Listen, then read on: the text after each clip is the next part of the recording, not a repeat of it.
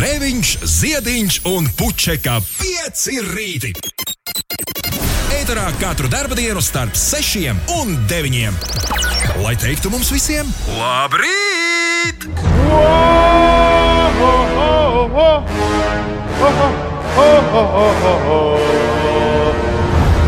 Labrīt! Labrīt! Labrīt! Kling, klang, esam klāt! Tālāk arī jābūt. Kling, klang, esam klāt, varam sākt. Jā. Nu, var jau būt, ka tur vēl bija kaut kas. Vai tu zini, no kurienes ir šis dzējolītis? Nē, nezinu, gan. Raidījumu tā arī sauc. Klinklang esam klāt. Kling, klang, esam klāt. Tur pilnīgi prasās pēc turpinājuma. Uh, Skolā bija viens turpinājums, bet nu, tas jau bija sen, un tas bija. Mēs bijām mazi un dumi. senos laikos neviens nebija izpētījis, ka televīzijā bērniem vislabāk strādātu pieauguši cilvēki un tad kaut kādas lēles. Jo galvenokārt rādīja tikai lēles. Nu, miedziņš bija. Nē, miedziņā nebija lēles. Atkal, man liekas, reti bija. Kaut kad bija lēles, bet miedziņā atkal bija tikai aktieri. Vienmēr sakot, tas žanru sajaukums Ines nebija noticis. Un tad klinklāngā esam klāt, bija pa televizoru jāskatās.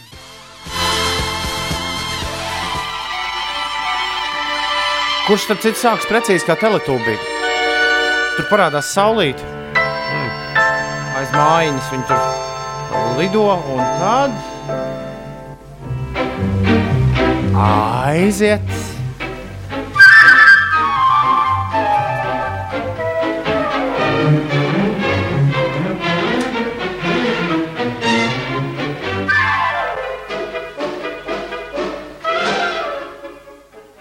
Diez vai viņi te dziedās. Ko var uzzināt Tas būs to, pats kas nav zināms? Man ir tas pats Kad viņi dzied? Viņi taču kaut kad uh, dzied. Tur bija sava tēma viņiem. Laikam, jā. Nu, tad tas teksts jau ir no tās tēmas, bet kad tā bija, vai beigās, vai pa vidu. Stūra. Nāc palīgā! Nē, Kopi jums pastāstīja skaidrīt riņķi kopā ar no... nē, nē. nē. Man liekas, ka vienmēr viņš sākas ar klīņklāgu, esam klāt, varam sākt. Nē. Izrādās tā nemaz nav. Vita Valčunai ir iedziedājusi šo dziesmu. Tas gan nebūs, protams, tas. Es domāju, gan. O, nu ko? O, ceturtdien, septembris, numur 9. Viena diena pirms 10. septembra. O, Tu teici, ka kaut kāds bulciņš kaut Nu, kur vairs jau nav. Nemaz Nu, gandrīz. Ko? ir jāveic izmeklēšana. Kāds ir apēdis mūsu pulciņas? Kurš ir apēdis mūsu pulciņas? Aiziet, Ejam izmeklēt. Brīders. Tavā rītā radio ar Cannonball. Nu, kas ir? O? Kling, klāt! Kling, esam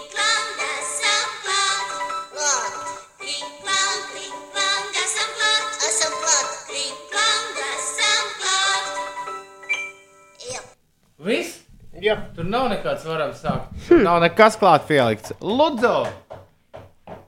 Kas ir autohof Vācijā? Uh, sliktā meitene vakar ir autohofā iegājusi un jaunu austiņas dabūjusi, jo vakar mājās atstājusi austiņas. un, Acīm redzot, nu, viņi nevar uz skaļumu klausīties. Hof ir mm, nu, kaut kāds veikals tur šeit. Es mēģināju iegūt, man nekas neizdevās. Uh, varēšu ar jums palikt tieši raidē arī kraujoties. Kolosāla diena visiem! Lai tev laba kraušanās, labi! Vienkārši viņai atņem mašīnas to laiku. Kristiāna no Bauskas puses, labrīt, agri, labrīt, rītvars ir pamodies. Pēc modinātāja, kas bija 3.20. Agri, tev bija 3.20 modinātājs. Pēc rītvaram 3.20 bija no, modinātājs. Viņam nogurums lien ārā pa katru spraugu, bet darba diena pat īsti vēl nav sākusies. Šodien rītvaram komandējums liepājā. Turiet īkšķus par mani! Rītvar mēs jau turam īkšķus par tevi. O, tā, labdien! Kāds žanrs būs pārstāvēts gaidāmajā autorraidījumā? Jūlija, par ko tu runā? Tāpēc tas taču bija izziņots relīzē, ka būs autoraidījums. Aha, auto, autora, kāds, žanr, kāds žanrs būs pārstāvēts? Visi žanri, Jūlija.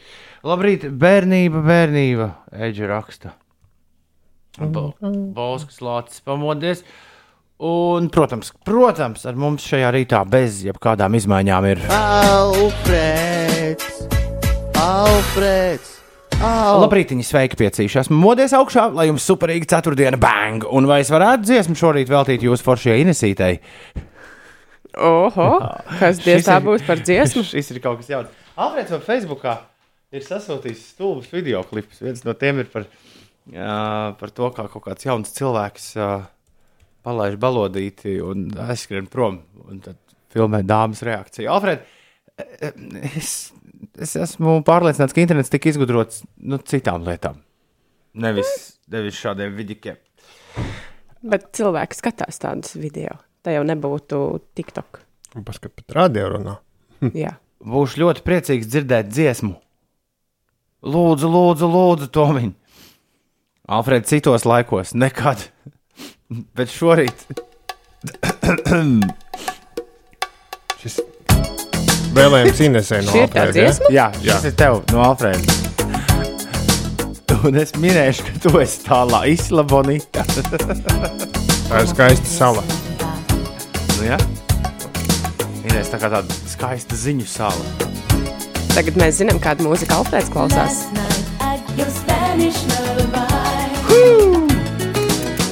Labrīt, šis uh, Madonas gabals 80. gados skanēja ļoti fresh un stylish. Es domāju, ka arī ļoti nopietni gangsteri to klausījās. Tā raksta Siguldas Edgars. Es esmu nopietns gangsters. Nē, Alfrēds ir nopietns gangsteris.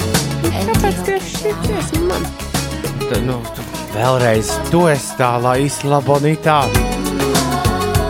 Skaistā sala. Latvijas radio ētera viļņos. Apskautā.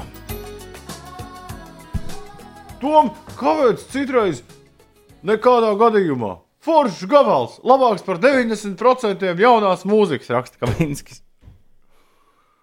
Um, nē, nu, zini kā, par šādām lietām īsti nestrīdās. Kas te labāks, kas, kas nav labāks. Bet, uh, nu, lai izlabonīta citos formātos tā vairāk iedaras. Nevis, nevis tajā, kas papīros diezgan pamatīgi aprakstīts. Latvijas radio 5, 5 LV sakarā. Tur sabiedriskais pasūtījums, kas tik vēl ne? Bet Rītvars tikmēr apjēdz, ka ir mācījies kopā arī nesis brāli vienu profesiju. Pasauli gan ir maza. Ha, ha! Nu, Latvija, jā, vēl mazāk. Un autohofa ir vieta, kur stāv smagās mašīnas. No, Tāpēc arī tur ir sliktā. tāpēc man liekas, ka Hofa ir nevis tirgus, bet ciems. Tad sanāk autociems. 6 un 28 šorīt silts rīts, foršs tāds. Jā, šobrīd, šobrīd ārā gaisa temperatūra ir plus 13, plus 16 grādi. Savukārt dienvidu kurzemes piekrastē pat plus 17 grādu. Rīgā mākoņains rīts un uh, arī citviet Latvijā mākoņains laiks vietām debesis skaidrojas, nokrišņu nav.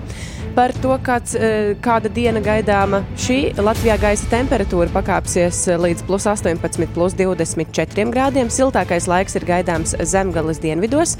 Mākoņu daudzums kļūs mazāks un nav gaidāmi ievērojami nokrišņi. Pagalms, Hofa ir pagalms. Nu, re. Pūtīs lēns līdz mērens rietumu, dienvidrietumu vējš. Rīgā starp mākoņiem parādīsies saule. Arī šeit nav gaidāmi nokrišņi, un galvaspilsētā gaiss iesils līdz plus 22, plus 23 grādiem. Par to, kas šodien notiks koncerta zālē Cēsis, šovakar, pulksten 7. vakarā, pir pirmatskaņojumu piedzīvos latviešu komponista Pētera Vaska jaunais vīoļu koncerts vakara gaismā. Šodien paziņos arī Eiropas dārza balvas 2021 ieguvēji, kur par uzvaru sacenšas arī Rundālas pils eh, dārzs un Salaspils botāniskajā dārzā. Šovakar pusseptiņos vakarā notiks stāstu vakars, kurā ar savu stāstu dalīsies Kārlis Bārdelis, vienīgais cilvēks pasaulē, kas airu laivā ir šķērsojis divus okeānus. Pirmie būs tie pēdējie.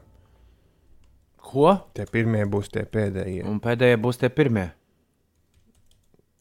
Nav jau vairs pēc šādas ziņas, nav jau vairs, ko es domāju, tur uh, pīpi zem uh, pūra turēt, vai ne? Vai jau uz jumta kāpt. Jūs jau tur vakar Instagramā visu salikāt. Pareizi, jā. No, Kārls Bārdēls šorīt būs ciemos pie mums. Viņš bija pats pirmais ciemiņš 2013. gada 19. novembrī, kad mēs visu šo sākām. Un 2021. gada 9. septembrī viņš būs noslēdzošais ciemiņš. Viņš šodien būs pie mums, uh, atnesīs Ines tev neļķes, tā izskatījās, Ja nebūs slinkums, kā tu rakstīji. un pastāstīs kaut ko. Nē, vienmēr asociējušās ar, ar kapiem. Pastāstīs kaut ko. a, Pastāstīs kaut ko. Uh, Jā, kopā es nevis ceru, bet es zinu, ka mēs pavadīsim brīnišķīgu laiku. Kārlis Bārēls šorīt ciemos pēdējais ciemiņš šajā pārēdē. Rīt noteikti kāds uzrādīsies. Simt punktu dod. Bet to mēs nerādīsim Facebookā. Šodien ir doma, ka mēs varētu tās Kārli rādīs arī nopūst putekļus kamerā. tā kā vecajos laikos. Jā. Mārim modinātais 2,25. Un tā kā zināju, ka gulējuši tālāk, bija arī otrs 2,29. Šorīt satikāmies ar mīļoto degvielas uzpildes stacijā Berģos Mārta, tu celies vakarā. un dzērām kafiju. Bučas manai princesei, un lai izdevusies diena. Pēc piekdienas, sestdienas, svētdienas. Pēc dažām dienām tas laiks, kurā tev ir modinātājs, mums būs vakars, nevis rīts. Mm. Nu, vēls vakars. Nu, bišķi ievilkt kaut Nu, vēl viena seriāla. Vēl viena sērija var. Cikos gāju gulēt? Nu, tā pirms trījiem bišķi pastījās seriāls. Vai kas tam man no rīta jau? Nu? Vairs jau, jau nav jāceļ. Jā. Tā jā, tā jā. Ir uh, 6,32. Es klausās, ka jūs gaidat tas beigas. Ko? Vai nav vēl? Cik- Nē, nē. Ir, ir tuvu. Cik tā vairs ir? Cik tā vēl ir atlicis? Mani sauc DJs Rešetiņš, vēl divas dienas un šis būs mans ēteriņš. Ir 6,32. Labrīt! Es uzbraucu Ulim, kā tie, kas te pamet darbu, ja vairs jau ūdeni nemainīs. Uldis Un gribēja nomainīt Un tagad, ūdeni. un tagad Uldis, tā, tagad Uldis visu, pa visu gaiteni maina ūdeņus. Visiem citiem. Jā. Ir ā, 6,35 minūtes. Man nav kur iet, tāpēc uzkavēšos šeit mazliet, kā nu pat bija dzirdams dziesmām. Labrīt, Rīga, labrīt, Latvija, labrīt, pasaulē! Cēlies augšā! Ir jau ceturtdiena, ir 9. septembris, skan Latvijas radio 5,5 LV. Es esmu Toms Grēviņš, es biju skaņu uz augšu un uz leju, nu, fona mūzikā. Uh, Šeit ir Ulrichs Ziedņš. Ulrichs Ziedņš maina ūdeni. Jā, Jau otro reizi, jā. Jo pēc tam, kad tu nomainīji un, un es nācu nofilmēt video, tad es gāju mainīt. Nu, citus ūdeņus. ja televīzijā jau viss ir. Nu, to, kas ir pirms to filmē, pēc, un to, kas ir pēc to filmē, pirms. Ines Pučeka, kur uh, pērk avio biļetes, daudz, daudz tik dažreiz arī izmanto. Arī šeit ir šorīt kopā ar mums. Labrīt, Ines. Labrīt. Nu, nav jau tā, ka es tās avio biļetes visu laiku pērku. Īstenībā tu esi tas, kurš pērk. Ej, nu ej. Jā. Man liekas, pagājušo nedēļu tu vēl tik ļoti priecājies, ka par sviestmaizi var aizbraukt uz Berlīni. Jā, un arī braukšu par sviestmaizi. Man prieks par tevi. Kas ir? man liekas, nevien, nu, tas nav nekāds liels noslēpums. Tev ir hobijs. Tu bieži pēc raidījuma, pat tad, kad tu, tev nekur nav jālido, tu sēdi un skaties avio biļeti. Jā, tā ir. Sapņo, oh, šeit varētu aizlidot, arī šeit varētu Es aizlidot. es esmu Google Flight salicis kaut kādus 50 lidojumus, un es visu laiku pētu, kā mainās viņiem cena. Jo tas, nu, loģiski, tas, ko es vēlos iegūt, to mākslu noteikti, kurā brīdī un kā mainās ka cenas. tas ir cilvēku prātam nosakāms? Nu, vispār jau nav, bet nu vienalga interesanti. Mm, Bet tas ir ļoti pareizi, jo es tāpat mājās ejot, man pa, mā, pa ceļam ir viena tādā mazā būdiņā beķerēji, tad uz uh, bruņinieku stūri ir beķerēji, kur vienmēr ir rinda par laimi, tāpēc es arī tur pabāžu degunu un paeju garām un nenopērku neko. Mājās ejot, ir īpaši, ja man, teiksim, somā ir pusdienas no radio, un es eju mājās, lai tā mierīgi apsēstos un papusdienot, un tu ieeji tajā, un ēst gribas baigi, un tu zini, ka nu, gribēsies tos iermaizīt. Un es ieeju vienā beķerē, pa- paskatos. Un eju projām. Un tad es aizēju pie otras, un viņa baigā rinda pa logu, vēl pāri parūlu, čau, rabarberu maizi. Tu ar to slaveno gaisa diētu nodarbojies. Tā laikam ir, jā. ka Ka Tu, vienkārši ielpo ēdienu smaržu. Un, Un galu paēdis. galā pusotru gadu no, mana, no manas uh, lid, lidmašīnas diētas nebija nekāda jēga. Nu, pareizāk sakot, es nekad, es nekad negāju iekšā tajā, uh, tajā Google flights, jo tur nebija ko redzēt, un jo nebija jau uz kurieni lidot. Bet tagad, kad it kā jau vēl kaut kur var aizbraukt, tad uh, jā, šī lieta ir atgriezusies. Bet es neteiktu, Ulu, ka es to daru uh, daily, on daily basis. Nu, Nē, nē, Bet manā e-pastī, nu, es daži Es iedomājos, cik mežonīgi daudz tev nāk tie ēpasti. e-pasti, ka mainās tur cenas. Ah, viņi visi vienā saliek. O, Katru jā? dienu, jā. Bet viņi uzliek uh, e-pasta virsrakstā to vissvarīgāko reisu, kurš, nu, kuram ir vislielākā izmaiņa notikusi aizvadītās dienas laikā. Un tas e-pasts saucas tavs lidojums uz, kurš man tur bija uz Dubaju. ja? Tev šodien paveiksies. Tik, tik un tik un tik.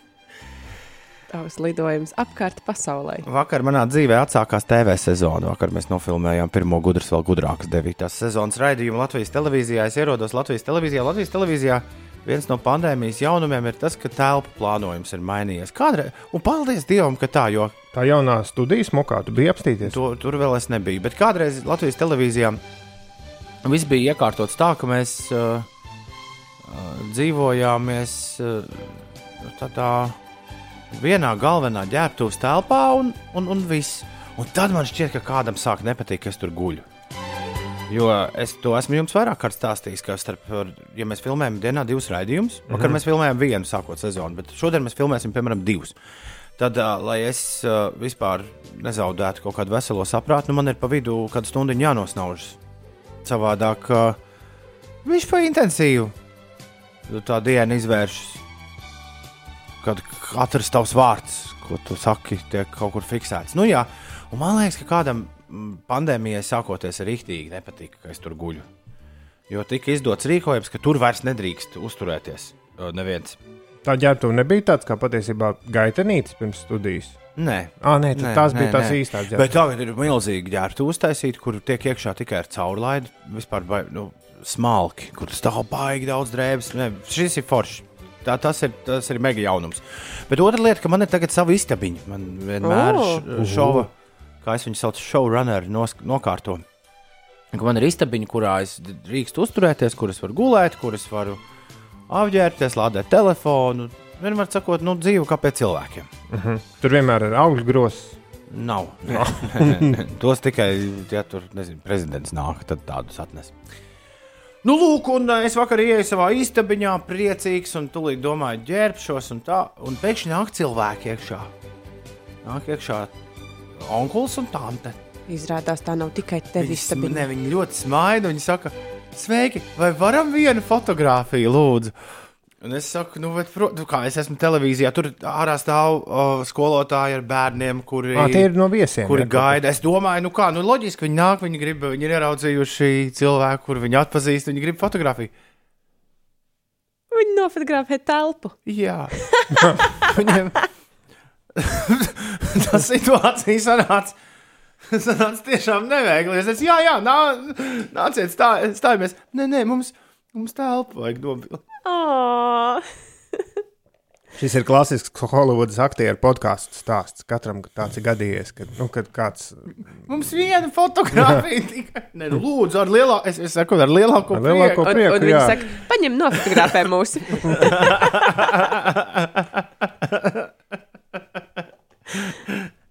Šito aktieru stāstu podkāstos. Nu, līdzīgs stāsts, jā, kad, kad prasa, vai var nofotografēt, un tad saka, nu, kad ie- lūdzu, dod fotoaparātu, lai nobildētu tos turistus. Un aktieris ir oh. Šis ir labs stāsts. Par šitā man sanāca ar vienu fotografiju. Oh, Bet tā patiešām ir tava telpiņa. tā ir mana telpiņa. Tur virsū rakstīts, Toms Grēviņš Nu, guļ. nē, tur rakstīts viesi, bet es varu ieslēgties Klausies. telpiņā. Es atnesīšu, man ir no, no, no kaut kādas Lietuvas viesnīcas. Es saņēmu, jo tur, tur bija, tur, kur parasti lejā stāv paskats bezmaksas, tur bija salikti tādi durvju uzkarami ar visādiem uzrakstiem. Man no tiem mājās mētājas kaut kur. Lai tu varētu uzkārt uz durvīm, do not disturb. 6,42 ir pareizais laiks. O, mums sāk trūkt laiks, es tā jūtu, jo šorīt mums ir nu, tik, tik daudz par ko ir jāspēlē. papaļāpāt. Un spēle mums ar tūlīt jāspēlē. Un Inesē jāpastāsta, kas notiek. Latvijas vīriešu volejbola izlase vakar Tallinā Eiropas čempionāta fināla turnīra grupu kārtas pēdējā piektajā spēlē ar rezultātu 0-3 zaudēja Tokijas Olimpisko spēļu čempionai Francijai. Lai iekļūtu playoff, latviešiem bija jāizcīna uzvara, bet viss vēl nav zaudēts. Ir vēl viens scenārijs, kuram Ah, piepildoties. nu, tagad stāsti. Šoreiz scenārijs ir, ir uh, mazliet vienkāršāks. Ah, ok. Jā, lai mūsu komanda dotos uz Ostravu, lai piedalītos astotdaļfinālā, ir jācer, ka Vācija uzvarēs Slovākiju un Francijai ir jāpārspēj Igaunija. Es domāju, ka Francija Igaunija pārspēs, tad jāskatās, kas tajā Vācijas-Slovākijas spēlē notiks. Kontinentālās hokeja līnijas komanda Rīgas Dienāmo 14. sezonas pirmajā mājas spēlē ar rezultātu 1-6 zaudēja Čeļabinskas traktoru vienībai. Te laikam nekādi jaunumi nav salīdzinājumā ar aizvadīto sezonu. Kaut ko jau vinēja arī. Par eh, kultūras notikumiem eh, žurnāla Domu zīme dzējas balva par labāko latviešu oriģinālu dzējas krājumu, kas laists klajā no 2020. gada septembra līdz šā gada augustam, ir piešķirta Liepai Rūcei par krājumu atspulga balts. Un šodien izstāžu centrā Ķīpsala sāksies starptautiskā pārtiks nozares izstāde Rīga Food 2021. Un eh, Nacionālajā kinocentrā rīkotās eh, Baltijas jūras dokumentālo filmu fóruma Kino Lenču skates laikā kinoteātrī Kāsuns demonstrēs filmu Dārza savaldīšana. Uz turieni mums vajadzēja doties uz savām pēdējām vakariņām, uz Rīgas food izstādi. Jā, Tu domā, ka tur tā vakariņas dod? Man liekas, tur ka tur kaut piesties. kādas. Jā. paņem līdzi maisiņu. Es esmu vienreiz, Ah. nē, es esmu vienreiz dzīvē bijis uh, ēdienu izstādē, starp citu, Berlīnē. Un jāsaka, ka tas bija kārtīgs pieešanās piedzīvojums. Ja nu tur tu kaut kādos stendos, tu dabū kaut ko pa bišķiņam. Varbūt rīt mēs varam aizskriet. Vispār tā nav slikta ideja. Cikos viņi saka, tā, ja viņi, ja viņi Jau šodien? Ja viņi vēr, nu, jā, bet, bet cikos var vaļā?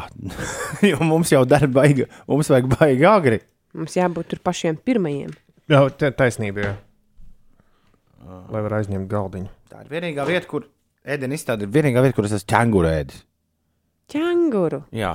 Vai kāds no klausītājiem, vai jūs nezināt, bija tāds leģendārs stāsts, kur divi čaļi, kaut kādi studenti ar vaļībām naktī nodarbojoties, ēda lauvu. Kur? Bija nu, ģeniāls stāsts, un es to, man liekas, lasīju kaut kādā žurnālā 90. gados. Bija, bija nu, tā tāda pilsētas leģenda, un es domāju, ka to daudz ir dzirdējuši par, Lauva. par studentiem, kas nejau, nejauši, uzsvērsim, nejauši ēda lauvu. Ja kāds atceras, atrakstiet. Desmitos var vaļā. Jā, tas izklausās pēc plāna. Oh, Man tas šauļu koncerts jāceļ. producentu, kon, produce- producentu kungs atrod, sameklējiet ielūgumus. parks. Mēs iesim atspoguļot Instagramā. Ēdienu izstādi. Vai grila parks būs? Jā. Dzirdi, Ulu, tur būs vesels grila parks. Kā diemžēl- ribiņa pie viena. Baidos, ka tur demonstrēs steiks uz- tikai eh, grils. Nu, bet kur viņi liks to sacepto? Un Tieši desmit, desmitos tā. tur neviens no nebūs. Mēs gribam redzēt, kā darbojas grils. Vai jūs varētu uzcept šīs trīs desiņas? Vienu uz gāzes, vienu uz oglēm un vienu uz indukcijas. Tā, es pierakstu. Pierakstu ideju dokumentā. Jā, Apmeklējam pārtikas izstādi.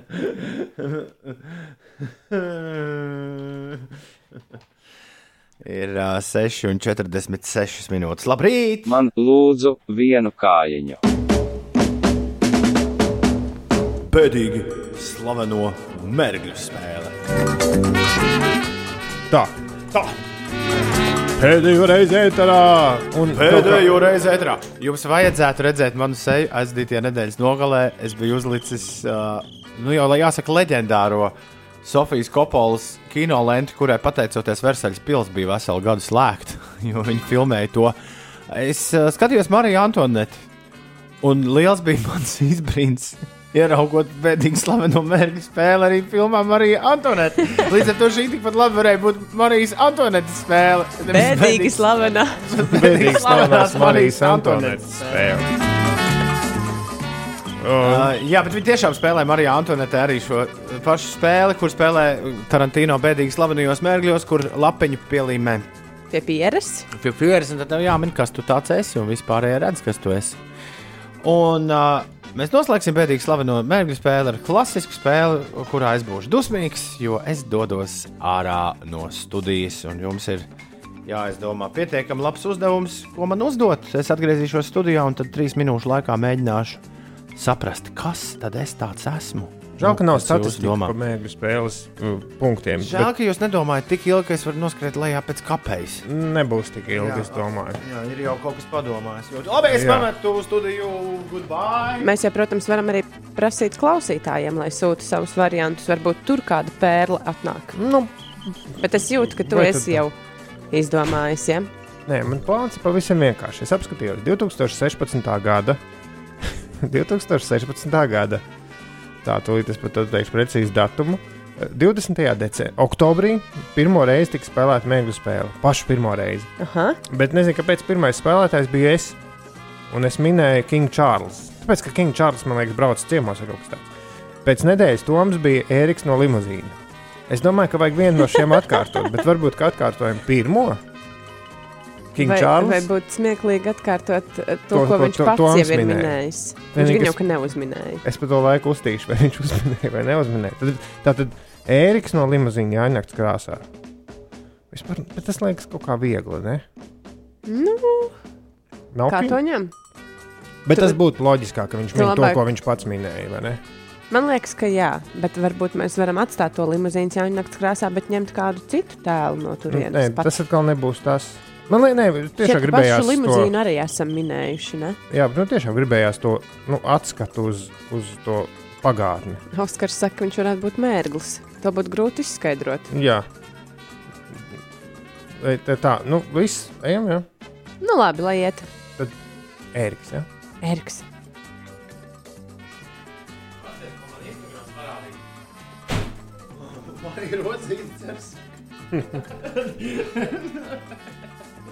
Jā, jā, kas ir? Kas...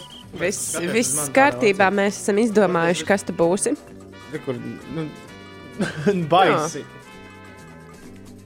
Tā, jūs esat izdomājuši, kas Jā. Mēs esam izdomājuši. Labrīt, viņi ir izdomājuši, kas es būšu. Vēdīgi slaveno mērķu spēle ir sākusies. Uh, uh, vai man ir sava Wikipēdijas lapa? O, Uh, konkrēti tev. Nu, tam, kas bet- es esmu. es teiktu, ka nē. Bet man liekas, ka mēs ar mūsu reakciju jau pateicām priekšā, ka tā tas nav Arnolds Schwarzeneggers. Noteikti ir. Vai tas ir cilvēks? Jā. Ar reāli eksistējošs cilvēks, kas es esmu. Tu domā, tāds, kas staigā pa ielām ar mums kopā. Viņš ir, nu, vai kādreiz ir eksistējis. Tāds abstrakti. Nu, es teiktu, ka nē. Tad es neesmu konkrēts cilvēks. Es gan. Ne, esi Es esmu konkrēts. cilvēks. Es esmu konkrēts cilvēks, kurš nāk no kāda mākslas darba. Jā. Es nāku no kino, Jā. Mm, Jā, uh, bet uh, es esmu arī aprakstīts grāmatās. Mm, jā. Bet uh, nu, noteikti es esmu radīts iedvesmojoties no kāda reāli dzīvojoša cilvēka. Mm, to mēs īsti nezinām. Okay. Vai mani ir radījis autors? Jā. Jā. Vai šis autors ir latvietis? Jā. Kino un literatūra. Vai eh, mani jā, atveido, vai, vai par mani uzņemta kinofilma ir uh, bijusi slavena padomju okupācijas laikā? Jā. Vai mani atveidoja aktieris, kur vārds ir Uldis? Jā. Vai es esmu cepļa kungs? Ha, nē. Nē, Kurš paga, kas spēlēja cepli? Pāvils nebija ceplis. pareizi.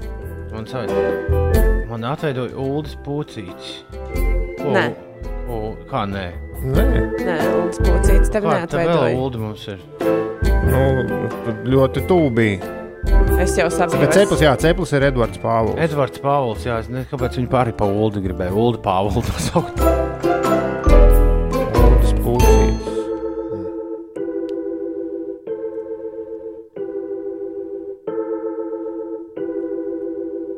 Nu, kā šitā var būt? Bet eh, tu esi Patinam atpakaļ. Jā, ceļa. patinam atpakaļ pirms cepļa. Es esmu. O, nu tas, kurš. Ķencis!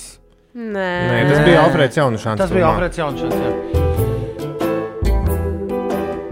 Nu, bet vēlas bez Vulda Pūcīša man vispār nekas prātā nenāk. Un, un, un, Bet varbūt neskaties uz aktieri un, pašu. Un Uldim Pūcītim arī nenāk neviena loma.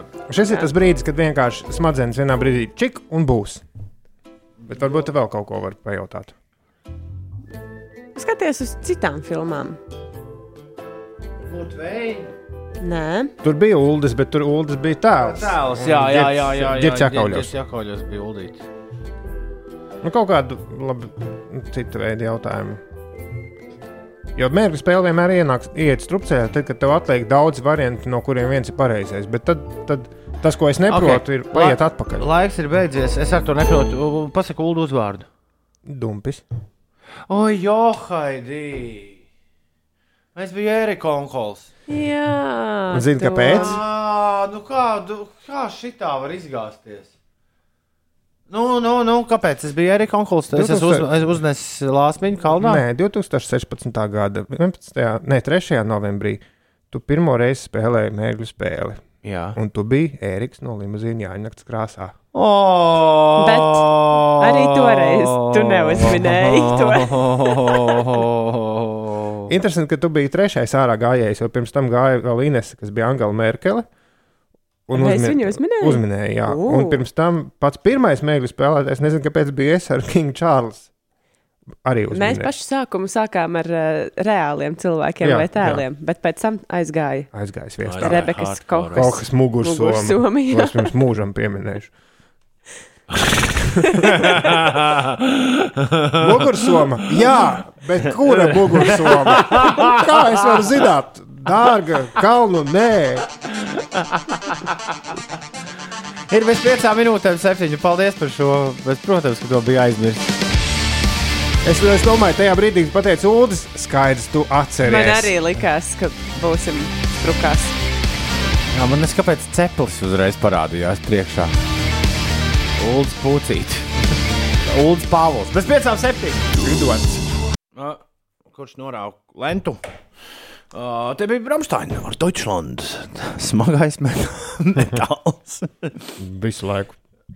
To īziņu arī var nocitēt, man liekas. Un tā ir, tas ir tvīts. Tvīts. Jā, Prieks par, pareizi. prie, prieks par lēmumu mainīt Tomu Grēviņa rīta raidījumu. Muzikālā izvēle iekavās smagais metāls. Liekā trīs cilvēku runāšana nelikās rītam atbilstoši. Nu, jā, nu, re, kur tas smagais metāls arī ir. Visu laiku. Visu laiku. Un tā runāšana, nepārtraukta. Vai, vai nu Liekā. smagais metāls vai runāšana? Liekā Tas arī runāšana. turpinājumā visai drīz, bet tagad ziņas. Līdz šī gada labdarības maratonam dod pieci, atlikušas 99 dienas. Pilsēta nav tikai ielas un sienas. To veido mūsu piedzīvojumi un stāsti. Tāpēc turpinām iepazīt apgājumus kopā ar mūziķiem projektā 5 kartes. Skaties video 5LV YouTube kanālā.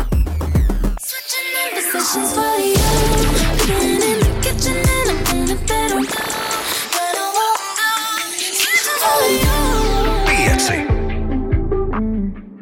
Radio, kas klausās. Klausās un ieklausās vienmēr, vienmēr, vienmēr. Čau! Cikos no pirmdienas sāksies jaunais raidījums? NR uzmini, cikos. Labi, tā laikam nedrīkst teikt. Pūkstens sešos, pūkstens sešos no rīta. Uh, Gailais fūris raksta, metāls un runāšana ir galvenie iemesli, kāpēc es jūs klausījos. Hihihihi. uh, labrīt. Uh, Uldim baigi daudz, viss kaut kas bija stāstāms. Man jāsliek arī jubilāri, kuru vēl nav. Tātad Uldis, Uldim nav Nē, nekas man ir, stāstāms. man ir stāsts. Es vakar biju uz podkāstu ierakstu. Uh, Domāju, vai jāņem līdzi austiņas, bet man bija sajūta, ka tu uz šauļiem brauc. šaulījums brauc rīt. Uh, ok, man viss ir sajūta. Labi. Šauļi rīt, Jelgava parīt, šauļos ar Krisno, Jelgavā ar Soundpoets, bet vakar bija podkāstu ierakstā, nu, publiskā pasākumā, kā apme- apmeklētājs par naudu un tā. Tu mm. biji nevis uh, pats kā viesis, bet tu Es gāji. vienkārši gāju, sēdēju, klausījos. Jā. Kas ar tevi? es domāju, ka tev ir Jā, intervēja.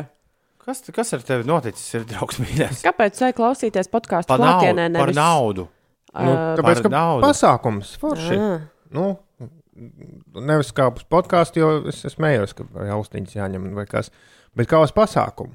Un jā, laikam, ka šī pasākuma lāsts ir tas, ka, ka pasākums pēc tam ir klausāms podkāstā, jo līdz ar to apmeklētāji salīdzinoši maz, bet, bet vienalga, kad, kad pēdējo reizi bija izgājis tā, nu, kafejnīca un kaut ko nopērts, un pauzes starp brīdis, kurā kaut ko nopērts, un tad klausies. runāja vairāk cilvēki, runāja, mm, podkāstu sauc muša, un es nestāstīšu visu, ko runāju, jo to noteikti varēs noklausīties, un daudz interesantāk dzirdēt oriģinālu, un es arī nedomāju, ka mans atstāsts ir vajadzīgs. Bet viens no runātājiem bija Valdis Melders, kurš stāstīja šo un to par visādām savām dzīves pieredzēm, tur no bērnības.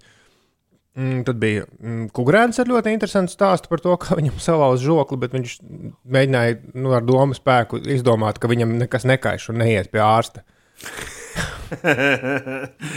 nu, basketbolu spēlējot. Es ar, es ar tā mēģināju, kā jūs labi atceraties. Nu, tad, kad es uh, salauzu roku Jā.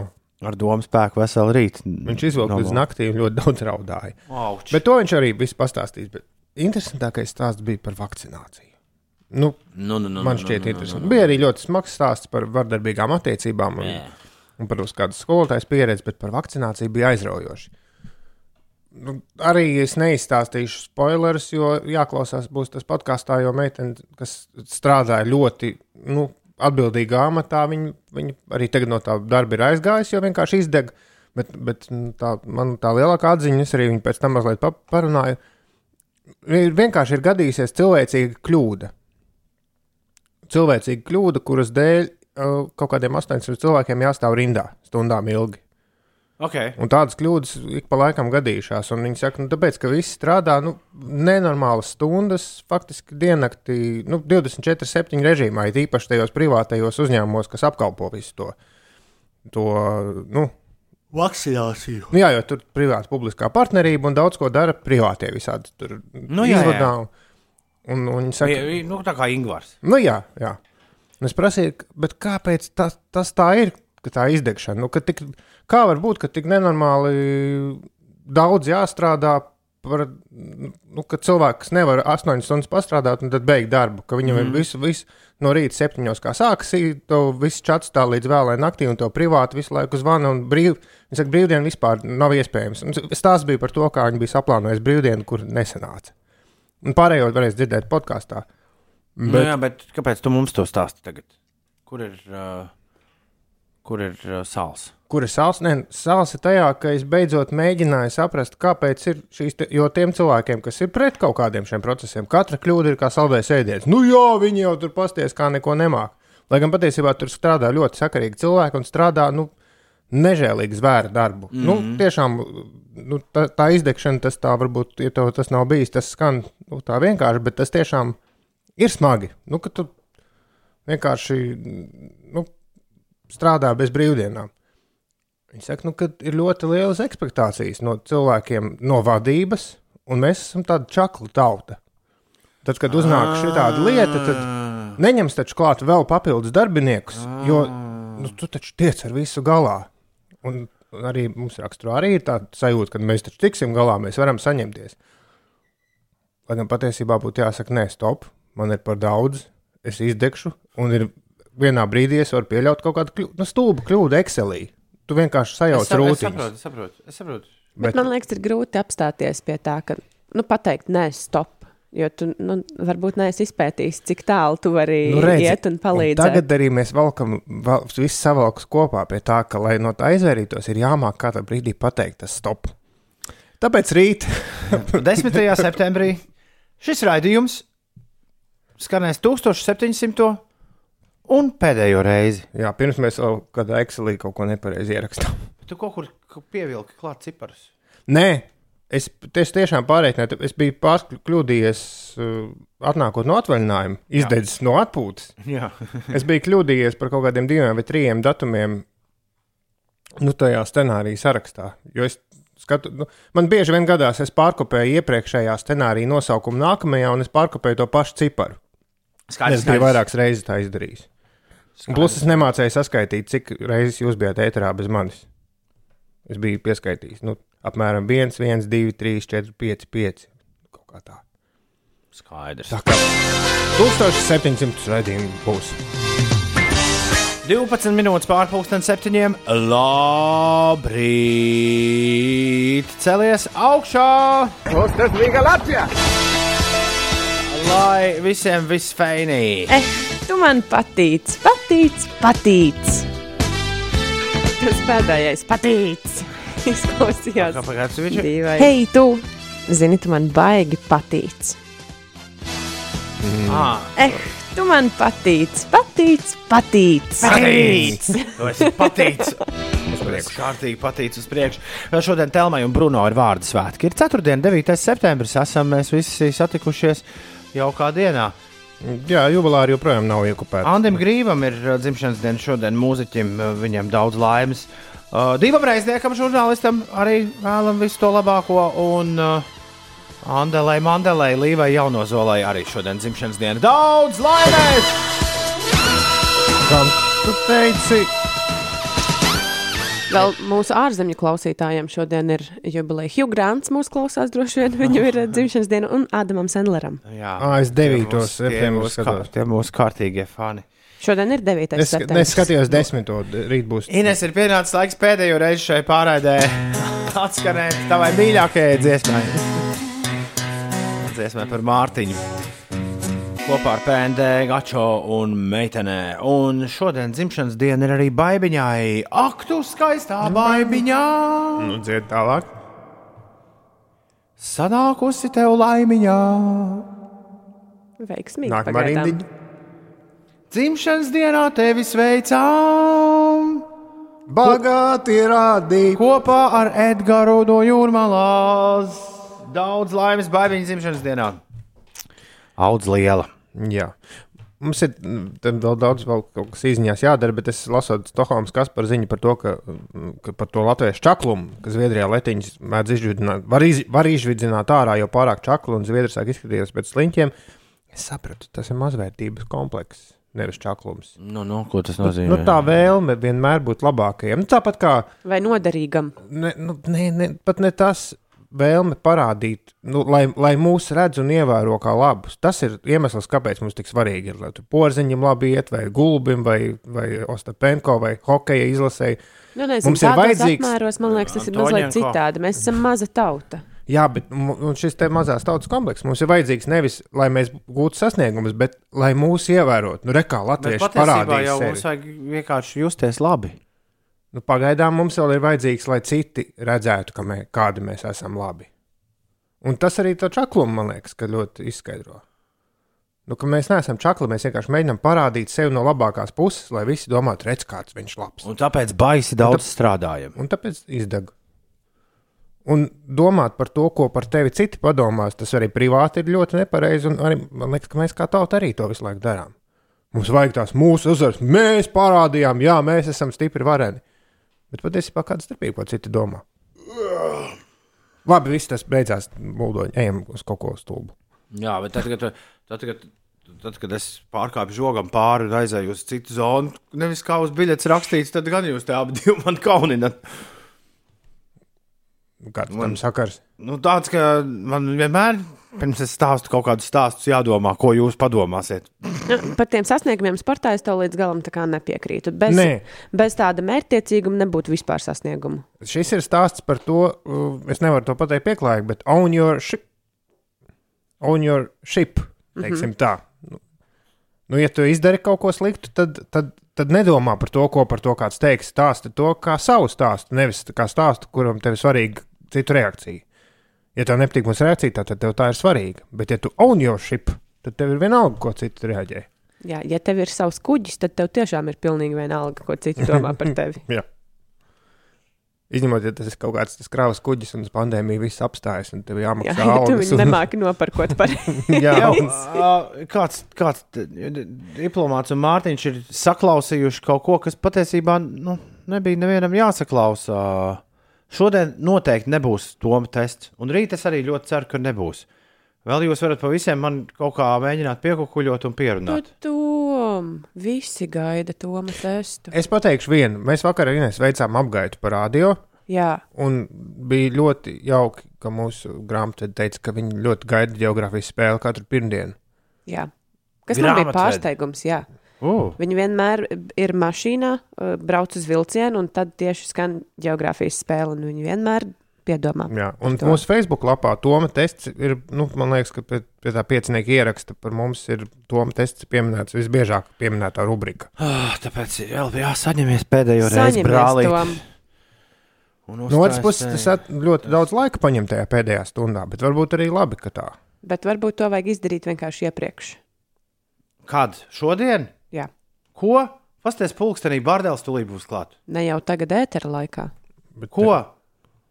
Nu, ārpus ētera uztaisīt Toma testu, lai rīt var Jā. spēlēt. No kā 8 stundu darba diena, kā mums Big Bandā bieži atgādina. Sēžot televīzijā. Nu, Tā arī darīšu. Līdz diviem jau vēl rādio jāstrādā. 7,21 minūte ir ā, pareizs laiks.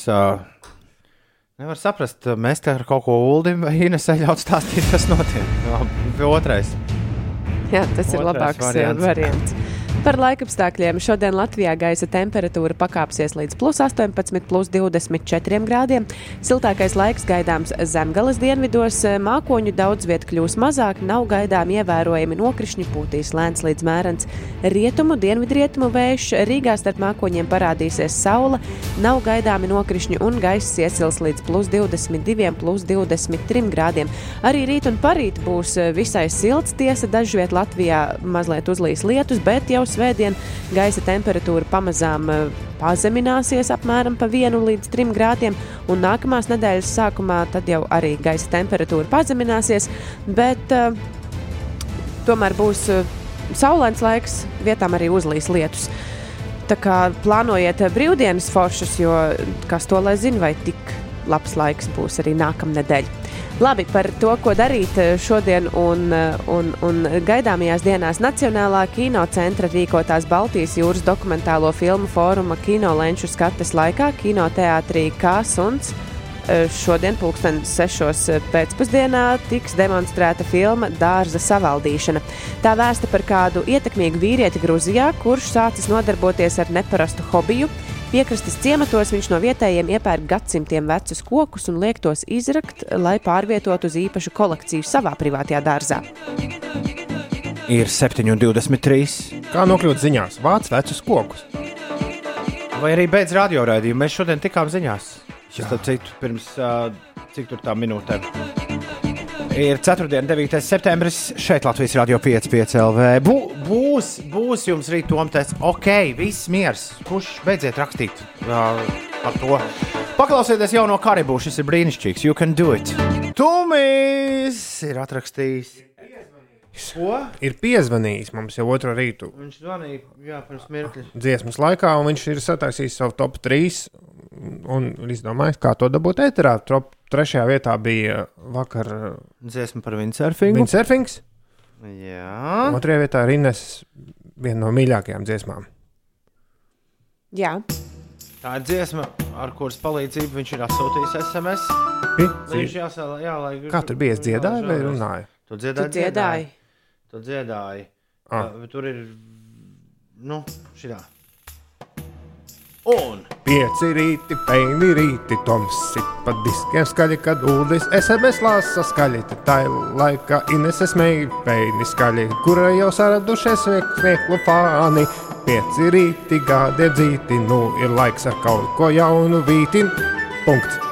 Bija feini, būs ar feini, kur tā citur liksies visi tā mums tūmis rakstā SMS.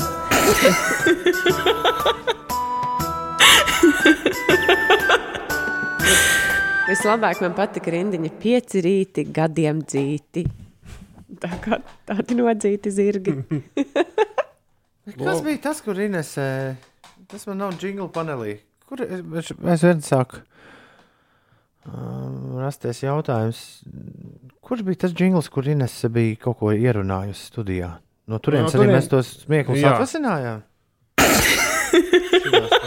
Jā.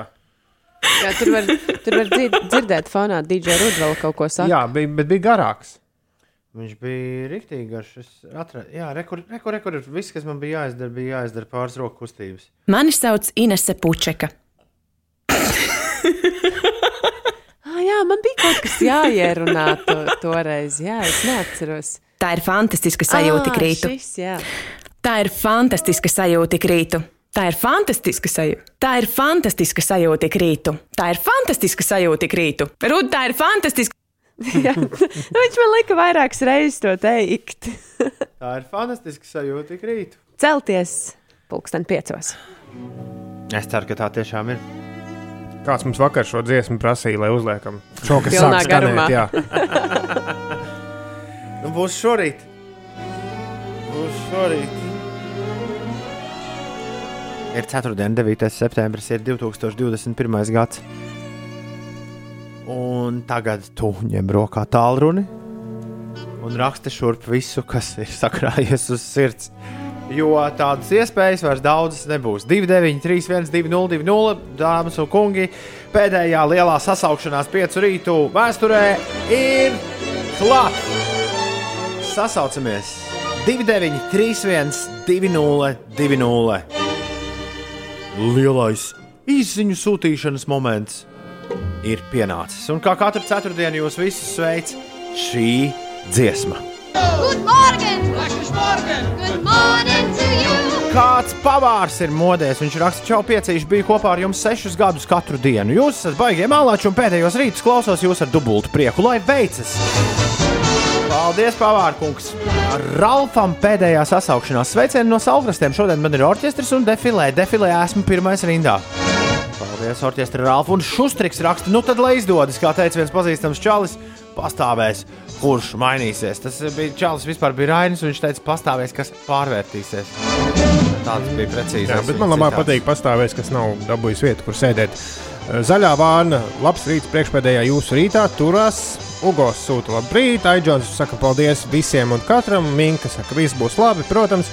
Svēkīs, vairs uz darbu nebrauks, ja nebūs pieci rītu. Un Valmieras aicis raksta, Sveicieni Uldim, Inesei, Tomam un Rešetiņam ceturtdienā. Sveiki! Mēģini uzrakstīt priekšniekam, priekšniekam iesniegumu, ka tā kā pieci rīti vairs nav. Jā. Arī vairs neies uz darbu. Dāvis arī saka, labrīt, piecīši, paldies par šiem jaukiem rītiem. Es šorīt jau ceļā uz koknesi, lai superīga diena visiem. Eh, Ralfs eh, raksta, ka viņš ilgosies pēc mums, un Linārds saka, ka skola nav atcelta. Palīdziet! nu kā tieši? Labrīt, nu tad pēdējo reizi atnāk ziņa no manis, raksta Agnēs. Jums, foršie piecīši, taisu karstmaizes un drīz braucu uz skolu strādāt. Lai brīnišķīga diena. Lai brīnišķīga diena, Agnēs, arī tev. O, jo, raksta Markus, esmu ceļā uz Šmaksimu. Labrīt, eh, bam, bam, bam, pieci rīti gandrīz pagalām. Raksta Vadeks, prozīt par jaunu sākumu. Un Anna saka, labrīt, paldies par daudziem gadiem kopā. Jūs esat vislabākie! Linārds ir atsūtījis vienu izsaukumu zīmi, un to varētu izlasīt kā. Tā, Andris saka, "Eh, labrīt, jūs lieliski smējaties, bet tomēr ir skumji ap sirdi, ka šis viss nebūs. Nu, kā lai novēl jauku dienu visiem, Andris? Nu, Nu tā, nu, vienkārši novēl. kas var būt jaukāks par tādu veselīgu paskumšanu, Andi? Skumti ir forši. Vēl viena latviešu iezīme. Čau, Ulda.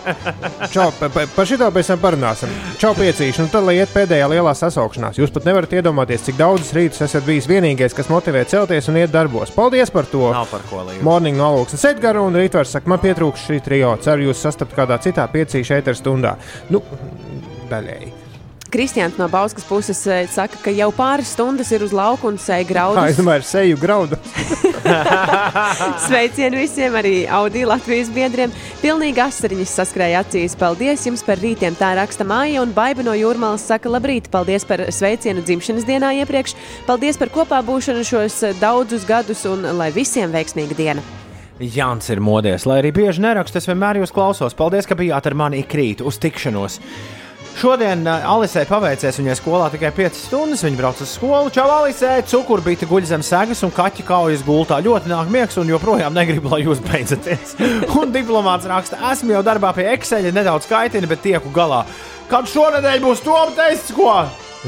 Pagājušā nedēļa solījāt citā dienā, nevis piekdienā. Nē, nu beigās laikam būs piekdienā. Nu, šodien pilnīgi noteikti nebūs. Šodien būs Kārlis Bardēls pēc 22 minūtēm ciemos. Būs kādā citā dienā, bet ne šodien. Un Anna saka, no, nokavēja vakardienas top 10. Jāatzīstas, jāatzīstas tagad, ka mani nesauc Anna. Kaut kādā prātā aptumsumā sevi kaut kā tā nosauc. Tad nu jauku dienu vēl neīsta Anna. Lieliski. Lieliski. Es nezinu, ko mēs darīsim ar visām pārējām īziņām. Ir kuras daudz. pie- kuras ir pie, es pat domāju, varbūt rīt arī vajag sasaukšanos. Lai gan ar šīm pašām ziņām. Tā jau cilvēki domā, ka šī ir pēdējā. Lai gan uh, pēc seriāla The Office standartiem, tie, kas skatījušies, zina, mums būtu šodien jāpasaka viss labā tā, un rīt nebūtu darbā. O, Nebrīdināt. Es neesmu skatījies uh, seriālu Office. Es nesaprotu, par ko tu runā. Par ko jūs ziediņš runājat? Es tikai zinu, Bet par to skumšanu. Nu, ko tu gribi par skumšanu teikt? Tad, kad tev notiek kaut kāda bēda dzīvē, nu, ko tā es nezinu. nu, Es, es atceros, ka es ievācos jumta dzīvoklī un biju nesen izšķīries no draudzenes. Tas Atkal? ir tik, nu, tas bija sen, tas bija 2008. gadā. Bet ir tik veselīgi un vērtīgi, nu, tā vienkārši paņemt paskumt, skaties zvaigznēs. Jo citādāk jau ne, nevar, nu, ja tu neproti skumt, tad tu neproti priecāties. galvenais nepārāk ilgi. Jā, ja tu visu laiku tās skumjas tā kā apslāpē ar kaut ko no ārpuses, tad, tad jau tu čakarē sevi. Ja ir bēdīgi, tad vajag izbēdāt un tad iet tālāk. To arī Nu, jums plānotājā kārtīgi ielikt. Tā šodien, šodien, Jā, rīt šodien būšu bēdīgs. Bet, bet apmēram tā, šovakar, ko es šovakar darīju, tā viss Tu rekurs. man, tu, man, tu, tu man tiešām atgādini to man bērnības draugu, kuram bija kasete rīta mūzika, pusdienas mūzika un vakara mūzika. Trīs dažādas kasetes. Bet, ja tu, bet, ja tu neatzīsti, ka tev ir bēdīgi, tad, tad tu čakarē sevi un visu pasauli, un tad tu nemāki arī nu, citas emocijas. Nu, tā.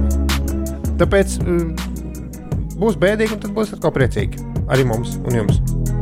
Šī dziesma ir šobrīd populārāka. To es arī teicu, populārāka Latvijā kā jebkad agrāk. Mēs viņu atskaņojam jau kopš, man liekas, gada pirmajiem mēnešiem. Un, ja pirmos divus burtus neizlasa nosaukumā, grupas Nevarēja tās dziesmas būt garākas. Nepaspēja pīrādziņu apēst. Ko nevar paspēt? Ne kafiju normāli iedzert, ne pīrādziņu apēst. Lai es lasu visas šīs īsiņas. Nu, Tik daudz šorīt sabirušas mūsu īziņu kastē. Pilnīgi jau raudiens nāk. Lasot. rēpas ceras nāca no Krišāņa. Šorīt man nestrādā smadzenes. Raksta samāta, man pietrūks jūsu piecu rītu, lai veicas. Krišāns atrakstīs diktu garu ēpastu par to, kā viņš ir gājis uz basēnu un klausies mūsu, un tagad iet uz basēnu Valmierā un arī klausās mūsu. Tā, lūk. Nu ko, paveiksim to darbiņu. Ko? Paveiksim to darbiņu. Kādu? Īziņu darbiņu. Kā tu to grasies paveikt? Izlasīt. Kādā veidā? Nu, Tā kā līdz deviņiem vienkārši lasīt, non-stopā. Bet, kā Mikls raksta, pēdējo reizi nevar neuzrakstīt. Paldies par šiem astoņiem gadiem. Nevar arī neizlasīt. Man arī tā liekas. Digis jau laicīgi pārslēdzies uz Be- be- Kas par aizgājis? Jā. Nekas, tu Baigais. paklausīsies reklāmas, būs tūlīt atpakaļ. Tas ir normāli. Uh, Čau, foršajam rīta trijā. Pietrūks jūsu rīta joku un jaudīgā toma mūzika. Ceru, nākamajā no rītiem arī uzraus prodiģi. Pietrūks ulu stāstu par moci, bet prieks par pavadīto laiku ar jums no pirmās dienas. Uh, par to, kas notiks tālāk, es, es gribēju Kārlim Bardelim pastāstīt. Tā kā Sagaidīsim, Bardeļu kungu, kurš bija mūsu pirmais ciemiņš un kļūs arī par mūsu pēdējo ciemiņu. Viņš būs šeit pēc minūtēm 16. Un nu nolas kādu īsiņu. Es redzu tavā sejā, ka tu ļoti gribi lasīt īsiņu. Es gribu izlasīt visas. Nu, man kā, kā- tā, bet kā tu to grasies tieši nu, izdarīt? tāpat kā sasaukšanās, vienkārši ņem Vispār un jau mēs kādas trīs minūtes esam Jā. palaiduši vējā, Jā. spriedelējot par to, kā to Elza izdarīt. raksta, Ej, nost sasaukšanās pēdējo reizi un esmu nomodā. Mazliet kamols kaklā, jo klausos jūs kopš pirmajām dienām. Esmu izaugusi, pabeigusi augstskolu un kļuvusi par mammu divām meitām. Cik dažādos Wow. rītos esat skanējuši fonā. Paldies, paldies, paldies. Lūdzu, lūdzu, lūdzu. Inesē, Jā, kas notiek? Nu, kamēr es izstāstu, kas notiek, tikmēr izdomājiet, ko ar tām īsiņām darīt. Šveices valdība ir pieņēmusi lēmumu plašāk izmantot apliecinājumu par cilvēku imunitāti pret covid-19, tomēr pret tā dēvētās covid pases pieprasīšanu sabiedriskās vietās aktīvi iebilsta liela daļa sabiedrības. Tas Šveicē.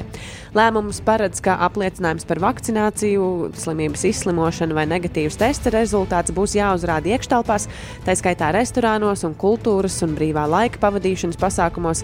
Certifikātu varēs izmantot arī augstskolu vadība un citi darba devēji kā daļa no profilakses plāna. Tas ir Šveicē atgādinu. Par situāciju Rīgas ielās. Jau Daugaugrības ielā ir jārēķinās ar vismaz 13 minūšu sastrēgumu. Tas ir posmā no Lidoņu ielas līdz Lilijas ielai. Buļļu ielā apmēram 5 minūtes pavadīsiet Siguldas šoseja līdz Berģiem. Turpat sākumiņš.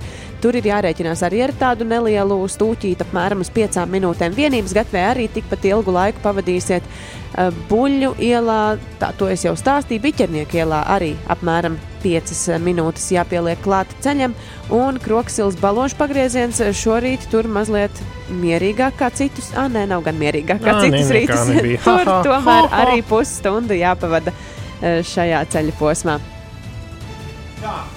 Vai mums rīt pūks nesīšot, bet, zinu, kā uh, gaidīšot pie radio ārā, bet rīt mēs tik ātri no tā radio ārā nenāksim. Vai arī skriesi pa kaklu, pa galvu. pa galvu, galvu skriesim, tā kā varbūt šo gluži nevajag darīt. Ja būtu iekritušas mūsu beigas kādā citā piekdienā, es Ines, zinu, gribēju organizēt maziņu pasākumu, kur visi var atnākt. Bet, nu, diemžēl, jā, sakrit visiem tie plāni. Jā, jā, jā, gala rezultātā visiem vis kaut kas cits ir svarīgāks. Nu, tā ir, jā. Tu pati. Ko tu pati? Nē, mums tiešām man ir jābrauc uz šauļiem, strādāt, ne, bet muzicēt. Un brauciet uz šauļiem, tur bezmaksas koncerts. Man liekas, bezmaksas. Nu, pagaidi, un uh, ko es gribēju teikt? Es gribēju kaut ko svarīgu teikt. Jā, nu, jā, rīt atgādināt, ka rīt mēs ejam dzīvajā Instagramā, tad, kad raidījums būs beidzies pēc deviņiem. Jūs varēsiet visi mūs satikt pie CLV. Instagramā mēs būsim dzīvajā. Mēs pirms dažām dienām nofilmējām video, par kuru mēs neko neesam stāstījuši. Kurā mēs spēlējām rotaļu, kur mums lika spēlēt sociālo tīklu cilvēki. Tādu, mm. -hmm. tādu video jūs arī dabūsiet.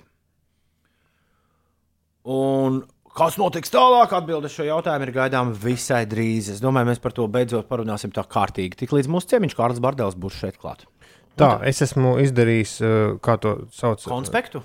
Iztīrījis augējas taļus, vai kas bija sīzifs, ko sīzifs darīja. Vēl akmeni. Vēl akmeni, tad es to sīzifu darbu izdarīju. Es esmu izkonspektējis visas īsiņas. Ļoti daudz raksta, ka paldies, sveicieni, pietiks. uh, Nevis pietiks, bet pietrūks.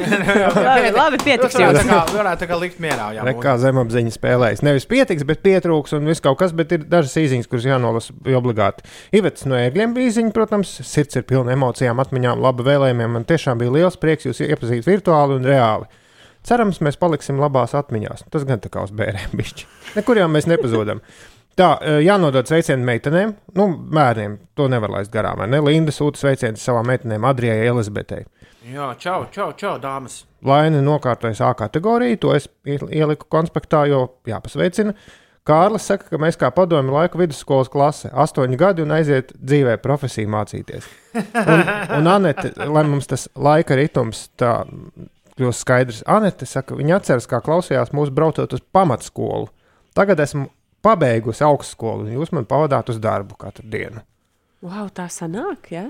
Pamatskola? Pamatskolas pēdējā klase gan jau. No astoņu gadu, nu kā vidusskola, trīs. Nu, jā, jā. Pamatskola, četri, un augstskola. Ja tā skatās, tad mežonīgi ilgs laiks. pamatskola, vidusskola, augstskola un tagad jau darbā. Trakums. Cik gan ātri tie bērni gan aug? Jā, pārējie arī nestāv uz vietas. Un līvs stāv, jā, līv, divi līvs vienīgi stāv. Viņš stāv tankštēlē, degvielas uzpildes stacijā iekšā un šobrīd mūs klausās. Salaspilī? Droši vien. Vai tīnūžos? Vai cēsvielā? Forši. Nevar paspīdēt ar to, ka gadiem esmu bijis ar jums, bet nejauši kādas pāris nedēļas atpakaļ sapratu, cik forši ir radio. Ļoti žēl apzināties, ka šie foršie rīti ar jums bija tik maz. Nekas, bet uh, tu toties varēsi vūdi izbaudīt visu to, kas notiks tālāk. Vūdi, vūdi, nu ir. Man liekas, ka Ulim rīt kaut kas paspruks ēterā. Neprasiet, kāpēc, bet man ir tāda sajūta. Labi, ir bez desmit minūtēm astoņi, un esam pietiekami nopļāpājuši, lai tagad laistu vaļā rubriku, kur sauc Rubrika, kurā pasprūk visbiežāk. Tomā bikse. Es. Nē, tā tas nebija domāts. Ne jau biksēs pasprūk, bet. uh, Nu, nu. vārdiņi visādi. Ja, ja kaut kur ir vārdiņi sprukuši, tad šajā rubrikā jau nu noteikti. Jep. Izņemot to vienreiz, kad tas Linkin Park aizgāja vai, vai Bloodhound Gang Un, ce- smagajā. un ceļojums. Ceļojums klasiskajā hip hopā šajā raidījumā noslēdzas ar skaņdarbu, kur jūs esat dzirdējuši šeit visbiežāk. Ar skaņdarbu, kuru mēs esam vienmēr izmantojuši kā Tomu Bikšu oficiālo fona mūziku. Tas brīdis ir klāts. Cik reizes Ulu mums kāds ir rakstījis? Heu, a kas, skan, tas, kas tas ir, kas jums tur skan fonā? Gandrīz katru nedēļu. Sākumā mēs lasījām un teicām, ka neteiksim, un tad, tad vairs nelasījām. Es atceros, ka reiz man bija jauks uh, piedzīvojums ar kasīti. Tie, kas ir kaut ko darījuši Kopenhāgenā 21. gadsimta sākumā, tie noteikti zina kasīti, nu, kuriem ir kaut kādiem latviešiem bijusi darīšana. Kasīts ir čalis, kurš aizmuka no Latvijas un Kopenhāgenā uztaisīja milzīgas mēģinājumu telpas. Un kasīts pazīst visus dāņu muzeķus. Un uh, reiz ar uh, viņu sauc Krasītis. Krasītis, krasītis. Reiz ar Krasīti Roskildes festivālā viņam bija viens uzdevums - savākt šo reperi no Queens, South Jamaica, Ņujorkā. Savākt viņu Kopenhāgenes lidostā, aizvest līdz Roskildes festivālam, kur viņam četros pēcpusdienā bija jāuzstājas. Reperis kaut kādā savienojuma reisā no Ņujorkas uz Kopenhāgenu bija tā teikt. uh, Uzpīpojis ar pīpi un aizmidzis eh, vai nu mazmaiņā, vai vēl kaut kur. Un tā arī krasīts. Tā aizbrauc un stāvēja viens pats tukšā Kopenhāgenes lidostā un nekad šo vīru nesagaidīja. Taču tolaik šis vīrs man asociējās tikai ar vienu dziesmu, un jums arī viņš asociēsies visos laikos tikai ar vienu skaņdarbu, un to sauc Simon Says. Faroe Monč! Toma Piksēs! Beidzot! Aiziet! Wow! Faroe Monč! Simon Says! Noslēdz 147 dziesmu garo ceļojumu manās uh, biksēs. Patiesībā man nekāda bikšu nebija jā, tajā laikā, kad, uh, kad visi šie gabali uh, skanēja. Es uh, hip hop dabūju klausīties Ines, diezgan piespiedu kārtā, tāpēc ka, tāpēc, ka es ļoti aizrāvos ar radio un es klausījos ārzemju radio. Un, Un tas bija tieši tas laiks, uh, starp citu, 90. gadu vidū arī Angļu lielās radiostacijas maz spēlēja hip hop, bet 90. gadu beigas, sākot no apmēram no 97., 98., 99. gada, tas bija tāds hip hopā tiešām zelta laiks. Un es piespiedu kārtā visus šos skaņdarbus, kurus jūs dzirdējāt šajā rubrikā cauri gadiem, arī dabūju pats klausīties. Un tieši, tas ir tieši tas, kāpēc es ā, tajā orientējos. Bet tajā laikā, kad ļoti daudz jauniešu staigāja tajās lielajās biksēs, es biju otrā nometnē. Tad vismaz skolā tas bija tā, vai nu metālisti vai reperi. Un tad es tā kā vairāk biju laikam tajā ā, otrajā galā. Metālistu? Un šajā, un šajā gadījumā, nu, jā, es oēzijas klausījos, beigās metāls. Nespēju, nē, es nespēju bija. iedomāties tādu. Un Nu, bija baigi interesanti, jo mēs bijām, nu, kā nu, Sigūda, tomēr mazliet lauki. Un mums bija tajā pašā laikā bija nevis metāls un reps, bet bija Nirvana Prodigy. Nu, tās bija tās divas nometnes. O, nē, nē tad Prodigy nometne jau bija tā kā tajā metāla pusē. Ah. Jā, jā, jā. Reps bija. Raps un hip hops tā bija, tā bija atsevišķa tā pasaule. vispār nebija. Bet es, es to visu teicu, tāpēc, ka šī, bija, šī rubrika bija kā mana atvainošanās visiem cilvēkiem. Tolaik, kuriem iespējams es skolas gaitenī pateicu par kādam skarbākam vārdam, jo tā bija jādara. Jo mēs taču bijām divas nometnes. Mm, jā. Un, ja būtu vairāk laika, es vēl būtu uzlicis eh, bonus bikses STA uh, izskatā, bet uh, Mums nav? laika nav, Nav vispār. Pastāstiet, mums ir, uh, mums ir kameras atdzīvojušās studijā. Kaut kas uh, sen neredzēts. Es vakar, Tā uh, putekļu kārta ir apbrīnojama. vakar man bija. 19. gadā pēdējo reizi filmējām? Vakar, man, vakar man bija jāintervē, runājot par lielām kamerām. Vakar man lielu kameru priekšā bija jāintervē jauni cilvēki, kuriem bija ļoti, ļoti uztraukušies. Un, lai viņi mazāk būtu uztraukušies, tur vīri skraidīja pie kamerām, ko klausījās visu laiku.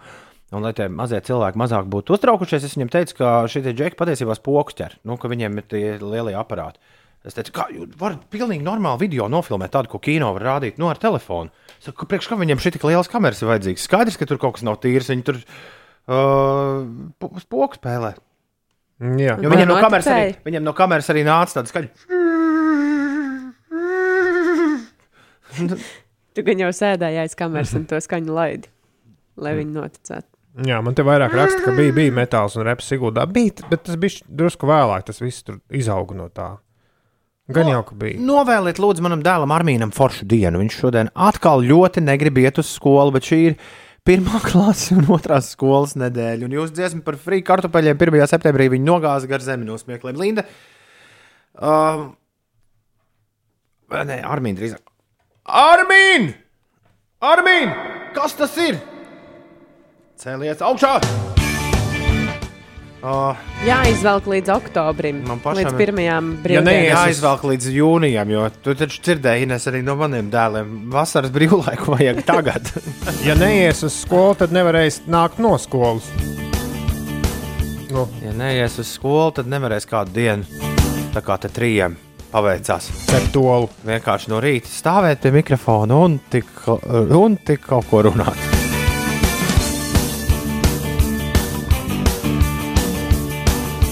Uh, ir 4. un 9. septembris. Kārlis Bārdēls būs tūdaļ pat ciemos pie mums. Kā Ines tur šorīt viņa pieteica, vienīgais cilvēks uz planētas, kurš ir pasaules vēsturē Airu laivā šķērsojis divus okeānus. Crazy. Vienlaicīgi. Un pirms astoņiem gadiem, kad mēs viņu satikām šeit pirmo reizi, vēl nekas no tā pat viņam droši vien sapņos nerādījās. Labrīt, Kārlī! Labrīt! Labrīt! Labrīt, Pērēs, arī Dairai un Uldim arī. Nu, lab, labrīt, Labrīt, labrīt. La, labrīt. Labrīt, draugi. Kārls Bārdēls ir uh, kļuvis par pirmo. Tagad tas jau ir noticis. Pirms uh, divām minūtēm tas vēl bija uh, nākotnes notikums. Tagad tas ir noticis. Kārls Bārdēls ir kļuvis par pirmo viesi. Jā, Tom Grēviņš brokastu šovā, kurš ir atgriezies uh, PCLV izskatā. Un uh, Kārlis atnāca, uz, uh, atnāca pie mums uz studiju, un pirms, pirms mēs uh, sākām pļāpāt, viņš jau pagūda nolamāties. Tu Kārlis teica, ka, mēs, uh, ka, mūsu studija atgādina skolas radio mēslu. Tas bija kompliments. Tagad uh, pas, pas, paskaidro, ko tu ar to domāji, un cik skolu radio mēslos tu tieši esi bijis. Jo, ja godīgi, es, piemēram, neesmu bijis nevienā. Jā, man bija viens rādījums, kādreiz Jurmālas pirmā gimnājā. Nopietni? Jā, jā, jā. Tāpat uh, omulīga maza telpa uh, un silta, ma mājīga istabiņa, bērns balka kurināta. Ziniet, no rītiem, no rītiem dažreiz, ja ar bērnu, kurinātu, pārāk kurinātu, sāk vairāk nākt miegs. Nu, pirmajā rītā mēs to tā īsti, īsti nejūtam. Bet kā tev ir ar miegiem? Man šķiet, ka jau ja tik daudz uh, spo, ar sportiskām aktivitātēm nod- nodarbojas cilvēks, tad jau vajadzētu būt, ka um, arī ar miegu viss ir baigi forši. Ir taču forši. Klausies, ievēroji, labi, eh, par tevi mēs vēl parunāsim, bet ievēroji, Ines, kā mums skanēja, ka mums viss mikrofons skanēja šitā, mēs runājām visu laiku, tiešām skolas radio mazgals skaļāk. Mums bija mikrofoni ar tādām micītēm, sarkanām, dzeltenām un zilām vai zaļām. Man liekas, tos mikrofons ātri nomainīja. Nu, jā, ātri pēc gada. Ah. Kāpēc tu lamājies? Kārlis atnāk. Kārlis Tā arī bija šorīt. tava interpretācija. Ah, arī- ok, ok, arī- jā. arī Nu, bet tā sanāca. Uh, Viņš trepēs nolamājās. Bet nenolamājās. Ok, tas bija tā, jo es vienkārši Ulim prasīju, tā kā, kas ir, kādam vajag. Kādam pī vajag iedot pa, tau, pa tauri, kas te notiek? Bēres? Jā, Tas ir tā jā jo, jo, vakar, jo vakar Instagramā es ierakstīju, kā, kā jānāk ar kūku, kā uz svētkiem, ar neļķiem, kā uz, nu, kā uz, uz Bet noslēgumu. labi, ka tu izla... Pirmkārt, labi, ka es ieraudzīju, jo es ļoti ātri to visu pārpublicēju. Tad es pē- pēc tam skatos, un, ah, pagaidi, bija jautājums. Labi, ka tu izlasīji, ka vajag atnest Inesē puķus, jo jāatzīst, ka pēdējo astoņu gadu laikā mēs Ines tā bieži nesam ar ziediem reizes jau esat lolojuši. dāvinājuši. Ines, Jā, šīs Kārli. ir uh, ļoti brīnišķīga aromāta apveltītas puķes. Vai tu zini, kā tās sauc? Protams, frēzijas, ka man es tieši tik stulbs izskatos. Mēs, ja, tu- ja, ja, Šie abi Mēs, note, mēs, noteikti, nezina. mēs noteikti to nebūtu atbildējuši. Es, es, labi. es pavisam noteikti nezinu, ka tās ir frēzijas. Nu, bet, Bet jā, frēzijas ir slavenas, ka tās ir ļoti smaržīgas. Tiešām ir frēzi. Tas te sūdzas atnest tev ūdeni, padzerties. Tas Ines. puķēm. Paldies, tev. Kārli. Paldies. Dāmas un kungi, Es gan Kārlis, laikam nejūtu. Ka, Ko? Kārlis Bardēls. Plastmasas. Nē, tas ir smaržo. Jūt, Ines, jūt. Ines tev nav jāiet. No, tas tev ir. Man varbūt arī tu vēlēs pasmaržot. tu kafiju jūti, kas būt. Tas ir Jūti, tests jūti. jautājums. parasti. Iedomājieties, tā salāti kāda smaržot vai Kad salāts tā nesmaržo. Tas būtu Frēzi forši. Dāmas un kungi. Kārlis, Bārdēls ir ieradies šeit studijā. Cilvēks, ar kuru mums pilnīgi netīšām liktenis saveda kopā. Tolēk Zanas Penezes Tieši tā, Zana teica, tur ir tāds jauns raidījums. Tur Būs uh, baigi forši Būs baigi forši aizējot, tā- tur rādio mazgals. Bet baigi forši bija. Un, uh, un sanāk, ka. Uh, Es varu nomierināt, tā studija, tas radiomēsls ir būvēta pagaidu studiju arī kādu gadu. Tā, kurā, kur, kurā mēs esam joprojām. astoņi gadi, jo Bet tas ir vienmēr visilglaicīgākais risinājums, nu, pagaidu risinājums. Bet nevar, saprotiet, te ir uh, mūsu priekšpēdējā rītā atliek secināt, ka viss, ka viss ir, uh, sa, viss kosmos sastājās pareizi uh, jau toreiz. Jo labāku pirmo viesu Kārli par tevi nevarētu Ā. vēlēties. Tu toreiz atnāci, tu biji uh, man personīgi nepazīstams Džeks, Uldim nepazīstams Džeks, kaut kāds tur frīks, kas ir ar skrituļu slēpēm pāri visai Eiropai, Johaidī. Uh, pārbraucis. uh, Neko mēs īsti par tevi nezinājām. uh, Bet, uh, bet pasties ir pagājuši astoņi gadi, un uh, mums ir bijušas ļoti jaukas sarunas, gan publiski, gan privāti cauri šim laikam. Un galu galā tu tā kā esi sadarījis vēl lietas. tu, jo toreiz tu teici, nakts tu- viesis, toreiz tu, pieci. Ā, toreiz to tu- neviens nezina. toreiz tu teici.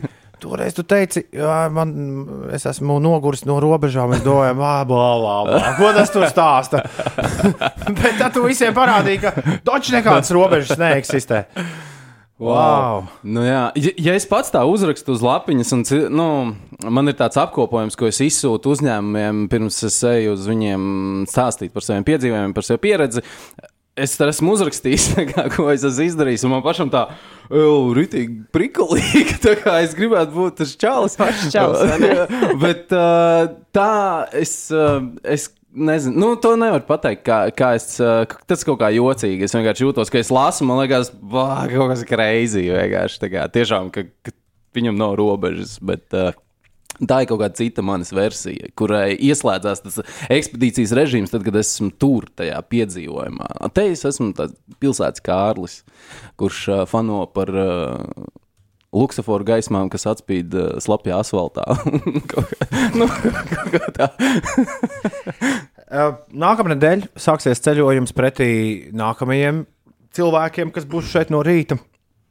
Un, Jā, izstāstiet, Kārlim, kas tad te notiek. Jā, un, un, Tad un, es pie viņiem nedrīkst nākt.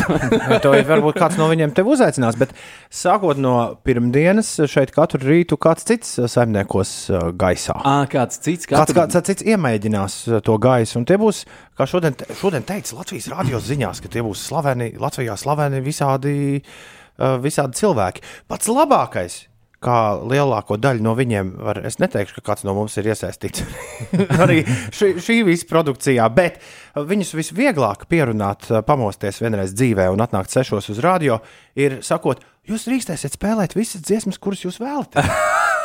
Tajā brīdī, "Eju, Oh! Mēs varam šo iesākt šorīt. Tu, vari spēlēt šorīt visas dziesmas, kuras vien tu, kuras vien tu vēlies. Jo pirms mēs turpinām sarunu, varbūt ir kaut kas, ko tu šorīt vēlēsies visai Latvijai nospēlēt. Mm. Tikai atkal neliec man tur YouTube rakstīt kaut kādos, tur- kaut kādos tur bri- briesmās. Nu, Bet man viegli, man viegli uh, Davids Bovijs Heroes. kāpēc? Jo tā visa nu, būtība, kā, ka, kad es klausos to liriku, ir uh, nu, tieši tik burvīga, ka, mm, ka mēs katrs pamostamies uh, no rīta un uh, mēs varam. Tā ir, man liekas, rīta dziesma. Tāda. Jo, jo, jo mēs katrs pamostamies no rīta, un mēs tā kā varam, hei, es būšu šodien hero. nu, tāpēc, nu, pēc, man liekas, ja noklausās tādu dziesmu no rīta, tad nu, nevar palikt, nevar palikt gultā un neko nedarīt. Ko mēs sakām mūsu video operatoram, jo mēs nevaram dziesmu laist tiešraidē. Ah, video operācijā. Nu, jā. Uldis ir Blakus telpā mums. Par šādiem sīkumiem mēs bijām aizmirsuši. Jā, mēs nevaram uh, Facebook tiešraidē, kur mūsu skatās šobrīd, jau tūlīt būs simts cilvēki. Man tad ir jānosauc kaut kāda tāda dziesma, kas ir rīta dziesma, bet kuru varētu laisties tiesraidē. Tās būs tikai 3 minūtes un 16 sekundes. Un uh, vienkārši tev ir jāapsola, ka tu nelamāsies, jo mums ieslēgs video uh, šito te telpas skaņu. Jā, bet tad man jāiet, tad, nu, tas, jā, nu, tas jānorganizē. Mēs nebijām gatavi, ka būs dziesma intervijas laikā. Aha, ok. Nu, to Toms izdomāja. Tātad. Var uz desmit sekundēm palasīt dziesmu. tad Man ir mēs bail, man ir bail ka Zuckerberga troļļi uzreiz pieskries, pieskries un teiks, You can't be heroes! Tiesa, Davids Bovijs nav tik svēts uh, mūziķis kā, kā daži citi, kā Maikls Džeksons, Bobs Dilans un Princis. Tur ir pāris sekundes un cauri tev viss. Bet uh, inter, inter, interesanti, ka mēs esam novērojuši to, ka tur ir hierarhija jā, tajā. Tur ir ACDC, viņi tur Madonna tie stāv tādā augstākā plauktā. Un tad ir nāk, nākamie. Un Bovīs ir pienācis. Nu, īstenībā man ir viena cita rīta dziesma. Nē, nē, nē, nē, nē, nē, nē, nē. Ulds, Ulds nu pat bija izskrējis ārā, viss sakārtoja.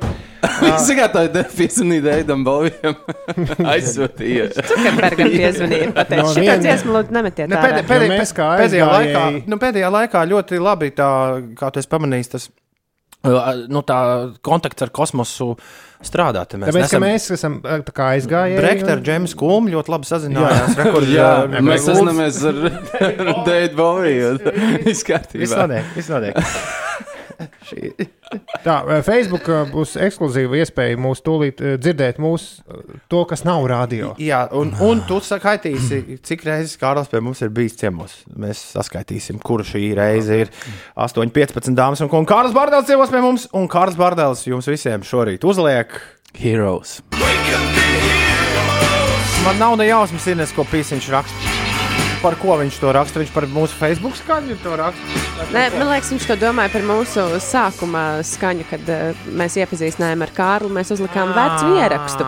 To jau mēs nepateicām, ka tas bija ierakstā. Kārlis Bārdēls ir šorīt ciemos pie mums. Kārlis Bārdēls pie mums bija ciemos arī 2013. gada 19. novembrī dienu pēc valsts svētkiem. Padomājies, tik. Wow. Kārlis bija šeit, un mēs uh, plāpājām. Uh, beidzās dziesma? jā, jā. Tas nu, tā tā, bija radioversija. Tagad jau mēs esam ēterā. Tas ir tā, ka nu, tu meklē visu laiku nākamo dziesmu, kad tu spēlē plates, un tad, ah, beidzās. Beidzās. Blūra parasti baigi īsā. Un aiziet. Kā tur bija Richardam Baham, man liekas, bija ilūzijās. Tu atver vaļā grāmatu, un tad tu rāpi vienmēr tajā vietā, kur tev ir jātrāp. Es tāpat es tagad redzu visu mūsu to pirmo interviju.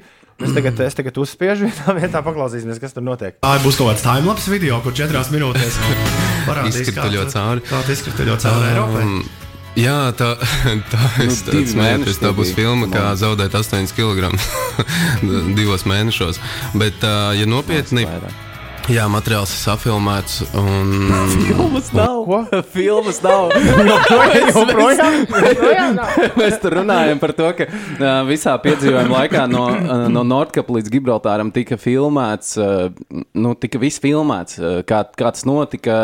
Tur pa vidam arī bija kaut kādas intervijas, mēs tur, uh, kur uh, man, man nosēdināja mežā vai uz kaut kādas mucas vai vēl kaut kur. Un, un tad es stāstīju kaut kādas savas uh, pārdomas par tām mm, stundām, kuras es skrituļoju. Un, wow, Šitais, šitais ir baigi tāds, nu, tāds sajūta, ka kaut kad tad, tad tev neizdarīto darbu listē, tu vienu vairs neesi pārcēlis. Nu, zini kā, tev, tu to listu, un tu esi laikam pārcēlis, to nākamo pārcēlis, pārcēlis, un šis jau vairs netika pārcelts. Tagad tas būs jāizdara. Jā, nu tagad būs jāizdara. Es nezinu, kā mēs. Vai arī mm, aizmirst. Tu, man, man grūti, man grūti to aizmirst. 6,5 tūkstoši kilometru gandrīz. To es nevaru aizmirst. Nē, nav aizmirst. Uh, jo um, um, es klausījos vienu podkāstu, par uh, nu, viens rakstnieks stāstīja par to, ka, ka viņam tur kādreiz esot teikuši, nē, tu vienmēr pieraksti, raksti dienas grāmatā. No, the good shit sticks. Un tā kā vienalga pēc cik gadiem tu vienkārši atcerēsies to, ko ir bijis vērts atcerēties. Tā kā, nu, jā, un ja es paskatos vienkārši pierakstīts tur skrituļus līdz pāri Eiropai, oh, un es atgriežos tādā sajūtās, tādā piedzīvojumā, tādā, ko bija vērts atcerēties. Un, uh, Tā kā, jā, kaut, Tas- kad, kaut kad būs grāmata. Tas ir labi iet kopā arī ar manu dzīves moto, ja tev ir, kur es esmu savukārt patapinājis no no vīriem, kas 80. gados Manchesterā mūziku grieza kājām gaisā, ka, ja tev ir jāizvēlas uh, starp leģendu un reālo notikumu, vienmēr stāst cilvēkiem leģendu. Mm. Ja viņi ir tā kā romantizēti. Foršāks. Vienmēr tas ir foršāks stāsts. Vienmēr tas ir foršāks stāsts. jā, jā. Uh, Tu reiz izdarīji to, ko uh, savā ziņā Ulas un Ines te grasās, nevis grasās, bet tu jau ir To astoņu kilogramu izdarījuši. Nē, nē. Tu skrituļus izkāpi ārā no komforta zonas. Ir skaidri un gaiši uzrakstīts uh, mūsu preses relīzē, kur ir uh, nu jau visādi cilāta un necilāta, ka es palieku piecēlvē radiostacijā un pēc kādām pāris nedēļām es uh, visus cerams pārsteigšu ar kaut ko, ar kaut ko jaunu. Bet, uh, bet Ulas un Inês dodas pasaulē, laimi meklēt. Un tu arī reiz Jā. izdomāji doties pasaulē un meklēt laimi. Tev tu biji foršā komforta stāvoklī, tu Ļoti pelnīji baigi labo piķi.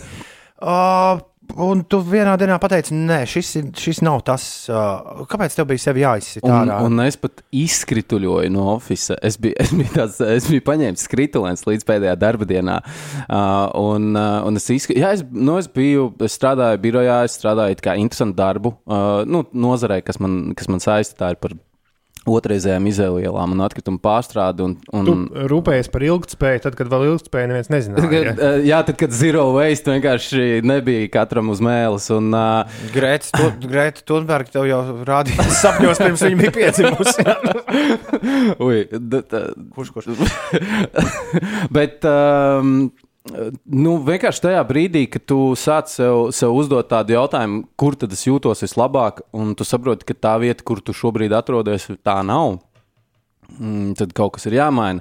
Un tu kaut kādu brīdi to kā atliec. Nu, vismaz man tā bija. Es, es sešus gadus tur bijā, tā kā nostrādāju. Un. Eh, nu, es viņus tagad kikoju.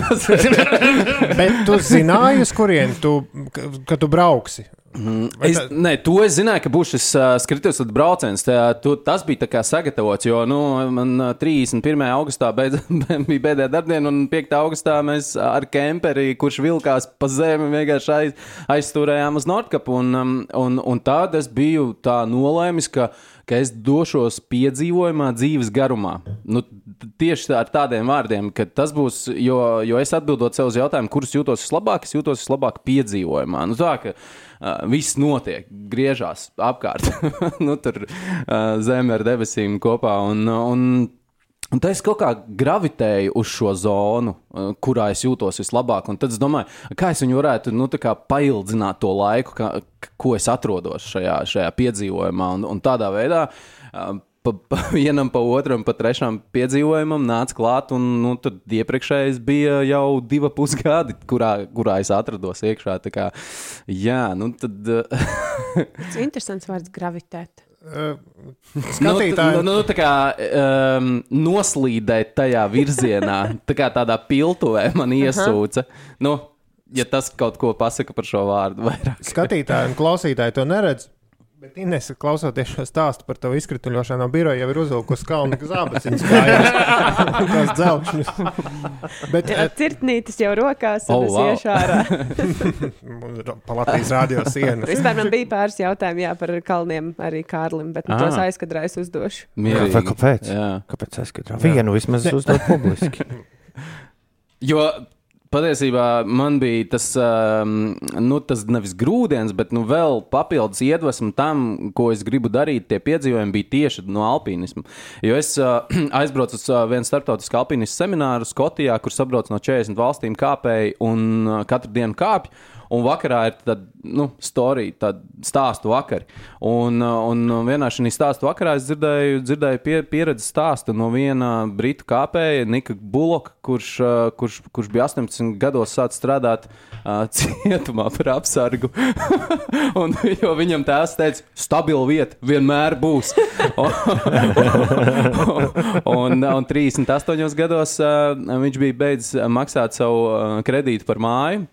Nākamā dienā viņš aizgāja no darba, izīrēja šo māju, un par to naudu varēja dzīvot un kļuva par full-time climber. Nu, gan tas, ka viņam bija jādzīvot savā kemperī, busiņā, bet viņš nu, devās pretī savam, savam aicinājumam. Jā, vēl joprojām.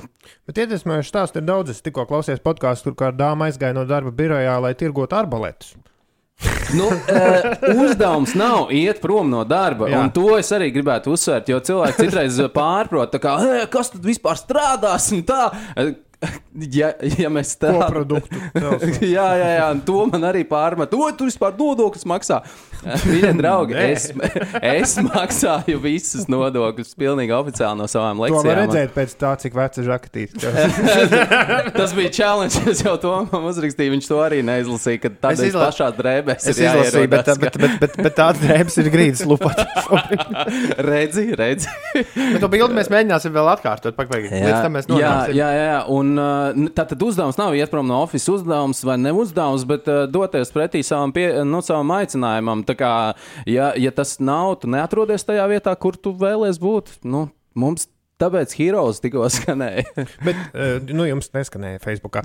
Bet, bet nē, eh, es visu laiku vienkārši gribu pabeigt to domu par, to, par mums un Ines, par mūsu plāniem. Jo man, man liekas, mēs neesam par to iepriekš runājuši. Ko jūs darīsiet? Pagainis iet un kāps kalnos. Ines kāps kalnos. Tagad septembrī. Tu, Man patīk, ka visi zina labāk par mani, vai ne? Ko es darīšu?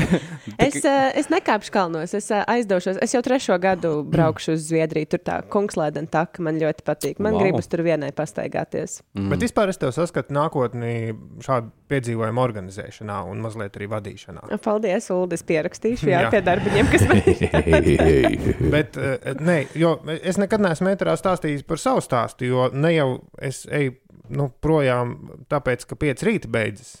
Nu, to man liekas, es neesmu nekad atklājis, ka tas mans lēmums atnāca jau pirms, pirms mm. -hmm. rādījā kaut kādas izmaiņas radās. Un nevis tāpēc, ka, nevis tāpēc, lai būtu kaut kas tur, nu, tāpēc, ka kaut kas ir izbeidzies vai kaut kas ir slikti, bet tāpēc, lai neaizietu līdz tam brīdim, kad kaut kas sāk beigties. Nu, re, tu preventīvi jau to sajūti. Jā, E, bet, tas man tā nesanāk. Tam preventīviem ir viens mīnus. auzās un tad tikai. Man nav nejausmas, ko es darīšu. Ah, ok. Ah, Tā. Tu gulēji, tu gulēji un skatīsies nepliķi. Tas ir tas, ko tu darīsi. Zinu, kā Ulu, es varbūt esmu nodrošinājusies vienkārši. Man arī nav jausmas, ko es darīšu pēc tā brauciena, kad atbraukšu atpakaļ. Es vienkārši mazliet paildzinu to posmu, kad es vēl nezinu, un, un tad es varu izdomāt. Delay the pleasure. Uh, jā, nu, uh, man jau arī, tad, kad es sāku to skrituļu braucienu, man nākamais brauciens atnāca pats no sevis. Man piezvanīja un teica, Klau, mēs brauksim ar ričukiem uz Sočiem. Negribi braukt līdzi kā mēdī cilvēks. Un tad tā, kāds mēdī cilvēks. Es neko no tā nerūpēju. Es gribu braukt ar Kā tu riteni. taču biji radio intervijā? jā, jā, jā, jā. Grēviņš intervēja. tas ir tas, ir- jā, uzreiz beigais pjāršiks. Bet, bet es, es pateicu, ka nē, es braukšu ar riteni. Kaut gan arī to es tikai nu, tā bērnībā biju apguvis. Un, un, un viņi teica, nē, nē, bet mēs brauksim ar riteni vairāk kā 100 km dienā. Es tā, ah, Nu, gan jau es varēšu. Un, uh, un tad šī brauciena viens no galvenajiem atbalstītājiem, mm, uh, nu, kas vispār, lai tas varētu notikt. Um, Gins Zirneks uh, no Radisona, uh, viņš, viņš uh, tiem čaļiem visu laiku zvanīja katru dienu vakarā. Nu, viņš stāsies ārā, viņš vēl var pavilkt. Viņi bija, viņi bija noteikti sadarējuši, kurā Viņš kilometrā. bija sadarējis, tad, kad es skrituļbraucienā aizbraucu. Viņš vidēja savu fāterīti uz kaut kādu naudu, jo, jo viņš bija tā kā uzlicis, ka es aizbraukšu. Un, un viņam tēvs bija tā kā Nav. teicis, šis Nē, nē, šis nav, šis nav variants. Un Tā kā es biju līdz Spānijai, ticis, tad tas, tas, tas uh, viņa tēvs tā, paga, paga, paga, kur viņš tur ir jau ticis, cik kilometri palikuši. Nu, tā. Bet tad, tad robeža tiešām nav Kārlija. Ja? Robeža nav. Robežas ir, tās ir kaut kur mūsu galvās. Klausies, uh, ļoti ātri gribēju pieminēt uh, pasākumu, kurā tu piedalījies pirms dažām nedēļām. Uh, kaut ko, kas uh, nu, nav, nekad nebūtu iespējams, ja to pieauguši cilvēki, man liekas, taisītu.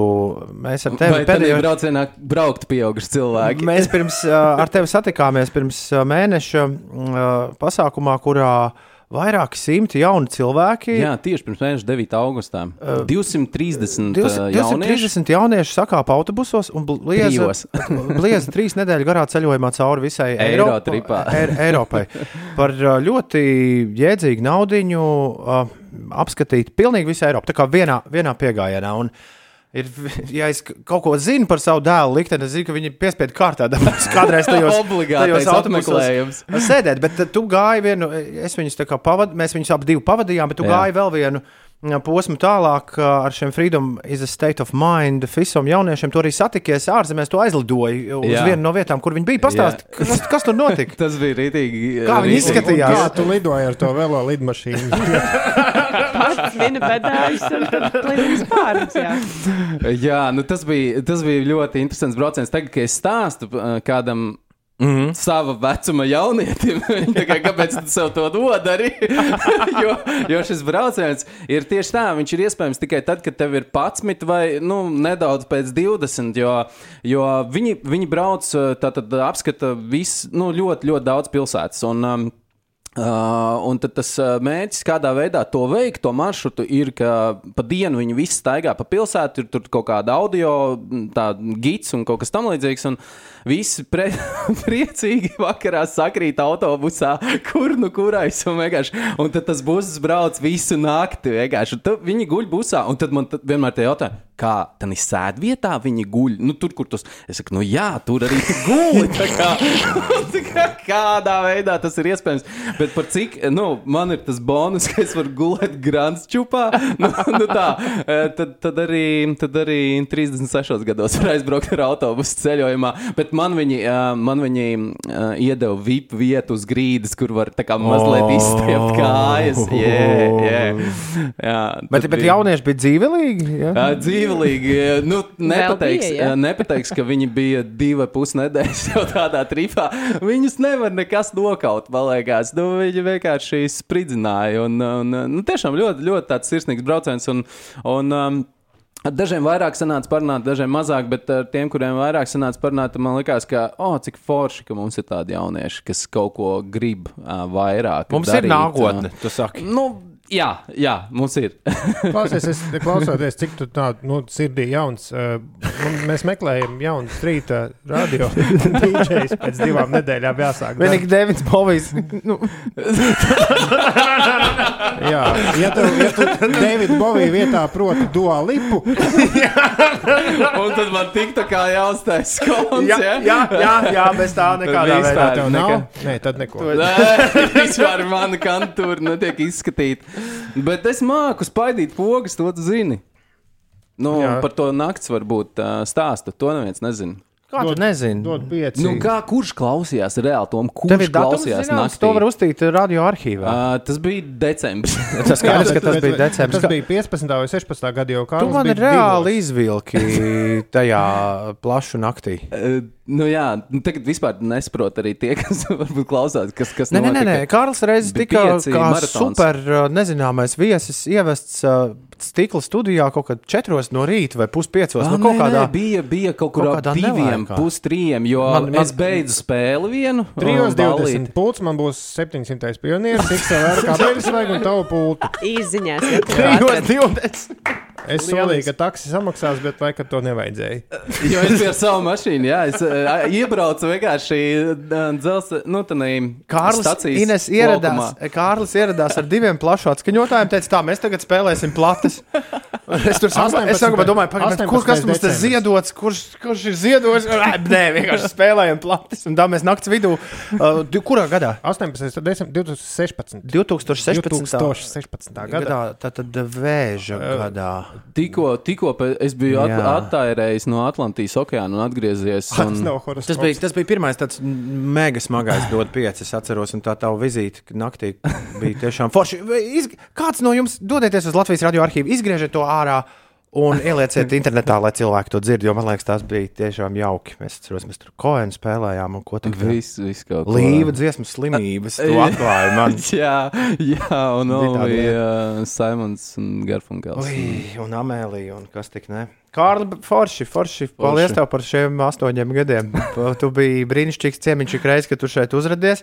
Tagad tev būs ā, jānāk droši vien uz mūsu nākamo rīta pārraidi ciemos ā, kaut kad visai drīz. Jā, Uh, lai, bet lai kas kur būs? būtu. Kur, kur tālāk nav robežu? Uh, man, es visu laiku uz, to, uz tām zvaigznēm skatos. Tagad eh, pēdējā laikā aizvien biežāk, ka vīri līdz turienei tiek. Cik tālu tu esi no kosmosa? Uh, nu, man ir dažas lietas uz sauszemes, uh, jo tieši tāda motivācija ir bijusi, ka man ir jautājuši, man kā nekad nav tā science fiction bijusi interesanta kā, kā lieta. Nu, Par kaut ko par kosmosu. Un tad es okeānā biju noklausījies visas grāmatas, kas man bija. Man bija palikušas simts, uh, simts labākās science fiction grāmatas, kā ever. Un tad es klausījos visu science fiction, un tad sapratu, ka pats es gribu kosmosā. es gribu kaut kad kosmosā. Man ir doma, ir tāds. Um, Pīters Diamandis, kurš, uh, kuram ir kompānija, uh, kuri, kuri uh, domā doties uz um, asteroīdiem, lai viņus tā kā Zeltu tur. rakt, ne, ne tikai zeltu, tur, tur, Tur viss kaut kas tur būs. vienkārši le- le- leiputrī iestājās. Jā. Un tad, un tad, kad es noklausījos arī vienu science fiction grāmatu tieši par to, kā, kā viena ekspedīcijas komanda dodas uz neapdzīvotu planētu, nezināmu, tad man tas bija tā, wow, tas ir reāls piedzīvojums. Tā kā ekspedīcija, tu vienkārši dodies nezināmajā. Un, Šobrīd ar to mājās atbraukšanu tas nav zināms problēmas. Tu vienīgi. nezini, kad, jā. Bet, uh, nu, bet tas ir kaut kad nākotnē. Man ir kaut kādi tuvāki plāni, tie, kur ir nu, tādi sapakoti čemodānos. Teici. Ne, ne tikai sauszemi. Nu, tā, man tā tad laiva ir Malaizijā pal palikusi. Un Viņa tur gaida. Jā. Un, un tad man tas uzdevums ir, ka man ir jāuzzīmē, kā Fredam Rebelam, uh, pa, pagooglēt, kas, kas tā ir pa personību. Uh, uh, Freds Rebels, Latvijas, uh, kurš uzzīmēja savu pasi. pir, pirmais, pirmais pasaulē 30. gados pārburāja no Austrālijas uz, uz Ziemeļameriku. Un, uh, Un uh, man jāuzzīmē Malaisijas pasi, ir, lai es tiktu iekšā. Vai arī, ja mums dzird kāds no diplomātiskā korpusa, ja man piešķirtu diplomātisko pasi, es šovakar būtu lidostā, uh, lai dotos tur Tu uz Covid, Malaisiju. Covid dēļ tu īsti to nevar izdarīt. Jā, ne? jā, tieši tā. Uh, tur attiecīgi nevar. Nu, tu, nu jā, netiek, Kāpēc, lai, netiek te- iekšā. kāpēc, lai to nepiešķirtu? Tu taču neesi ar sodi, es varu darīt, tu nekad neesi sodīts. Es neesmu sodīts, es, jau, es pat esmu labs. Mums noteikti, mums noteikti kāds dzird diplomātiskajā korpusā. Ja, ja kāds ir pelnījis, tad Kārlis pavisam noteikti. Jo, at, jo tur ir, es izlasīju, lai, tu lai piešķirtu diplomātisko pasu, tev jābūt Latvijas uh, Republikas pārstāvim ārzemēs. Come on! Come on! Viņam Guinness rekordu grāmatu parādīt. Viņam pa īsu. Kā mēs te secinājām, tas pār, pārējais pāri diviem okeāniem Jā, vienlaicīgi. vienīgais cilvēks pasaulē.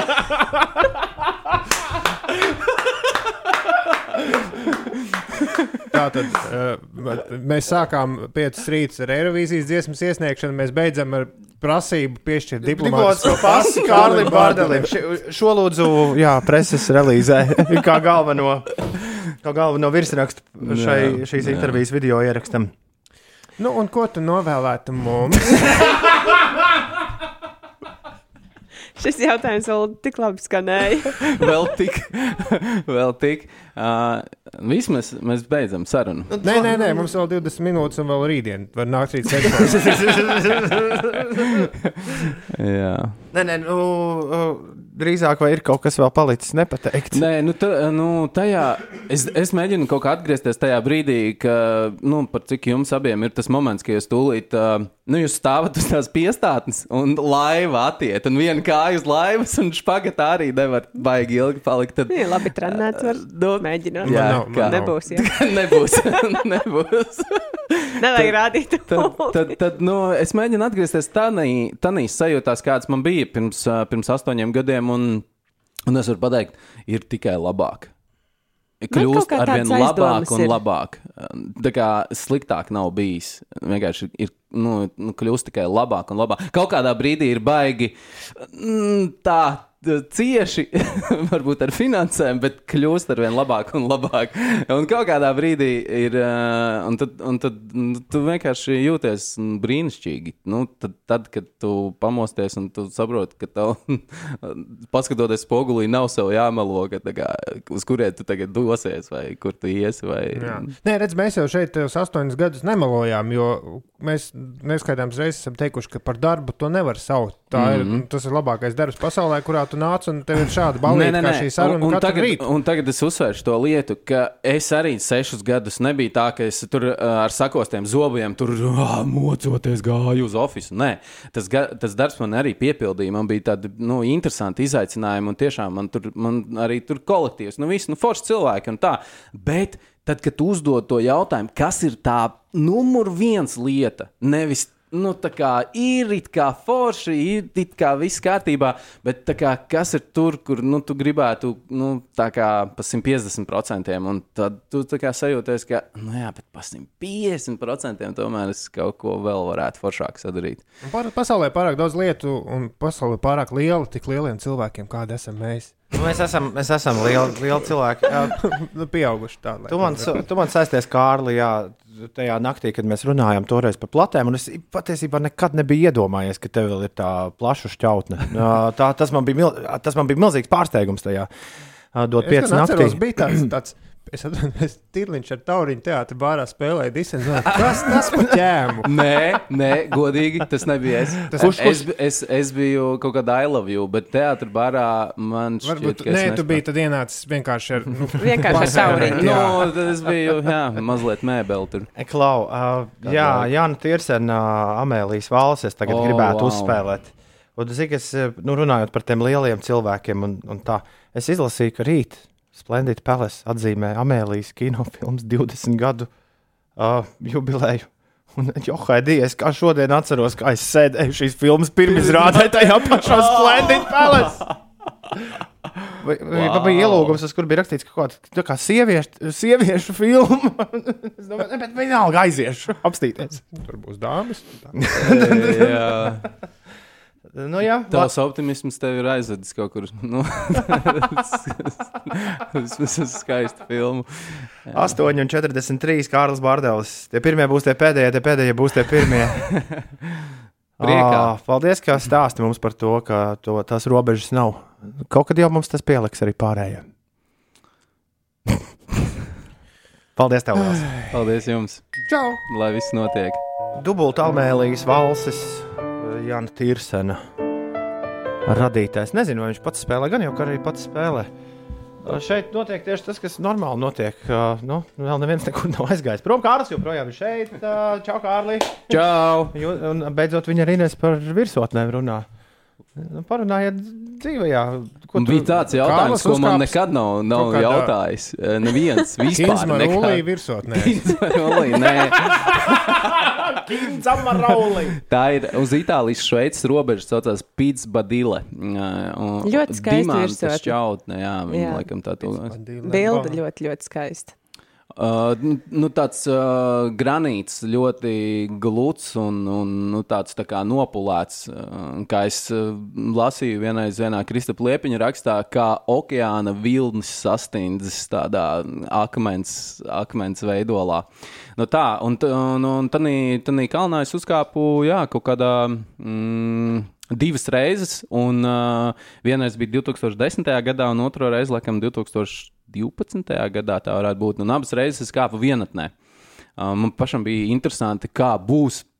Jo vienmēr es biju kāpis ar kādu kopā, nu, sa sasaitē ar, ar, ar kādu kāpšanas čomu. Bet uh, šoreiz es izdomāju, ka vajag vienam pamēģināt. Ir interesants sajūts. Uh, ja kāds nav redzējis filmu par Aleksu Honoldu solo, mm, ne tikai kāpējiem, iesaku ļoti, ļoti iedvesmojoša un spēcīga, kā, nu, jā, Aleks Honolds vispār šeit. Tas ir tas, ko Es mēs redzējām. pierunāju Jā, es noskatīties to filmu, jā. jā, tu tiešām pierunāji. Es sākumā Man arī, Un bet tu es nožēlo, tu es nožēlo. Es, es no sākuma drusku baidījos, vai tā nav tā filma, kur čalim roku starp akmeņiem iespiež. Nē, Nē. tas 128 stundas, man liekas, tā ir. Bet nē, nē, saucās. solo bija liela un, un rīktīgi. Sen nebija bijis, ka tik ļoti drēb kājas skatoties. Nu, tu filmu. taču par kāpšanu neko nesaproti, nu, nezini, un tev arī bija kaut cik interesanti. Bet es sapratu tik daudz, ka tas nav normāli, ko viņš dara. Ah, nu jā, nē, jā. Pagaid, bet Ines, tagad, uh, tas ir viens no, viena no virsotnēm, kur tu grasies iekarot. Ja? Virsotnes jau neiekaro E- vispār. e- Es, es atļaušos, es atļaušos bez iekarot. Jā. Lūdzu, lūdzu. Kas ir, ka- kas ir slikts šim vārdam? Mm, Iekarot. redzi, kalns pirms tevis ir stāvējis tūkstošiem, simtiem tūkstošu gadu, varbūt pat miljonus. Un tu tagad viens kaut kāds smilšu graudiņš tur un nereāli mocoties kaut kā pūzdams, elzdams, uzteberēs, un tu pateiksi, "Ah, I did it. Tā kā es, nu, I Tas tā kā tā anekdote par eh, skudru, viss kas uz uh, ziloņa uzkāpus un tur daudz un saka, kā es viņam. E, Kas viņu iekaroja? Nē, nu tieši, tieši šī, šī, nu, ā, šis vēstījums vārdam iekarot, manuprāt, ne, nevienā izteiksmē nenes neko labu. Un, un, un, nu, tas kaut kā no tiem laikiem, kad es kaut kā sāku pirmās tās alpīnistas grāmatas lasīt, un sapratu, ka nu, tev veidojas kaut kāds uh, cieņa, pietāte, tu esi pagodināts, laimīgs, ka tas kalns tev ir atļauts tur uzkāpt. Nu, tā. Tā es Jā, jūtos. tas ir arī veids, kā es to uztveru. Kārlis Bārdāls, dāmas un kungi. Es tikko iegūlēju par to skudru un ziloni. Uh, Atradu pilnīgi citu anekdoti. Jā, Gabrielai vajagot ie- ieteicamās filmas nosaukumu. Free solo. Solo. Free. Ah, free. Free solo. Free solo. Tā kā kapteinis solo no zvaigžņu gariem, bet tikai brīvs. Free solo. Jā, Es Ļoti gribu cept free Jā. solo. Tātad zilonis iet pa mežu, pēkšņi no krūmiem izlaiž skudru un bļauj. Stāvi! Zilonis apstājas, skudra atkal bļauj. Velc nost bikses! Zilonis novelk bikses, skudra ložņā, ložņā pa tām biksēm, pēc tam nosaka, nē, šitās nav manējās, man bija ar kabatiņām. Uh, bez astoņām, deviņi. Jā, bez astoņām, deviņi. Pareizais laiks. Uh, Kārlis Inês Uldis, Toms. Labrīt.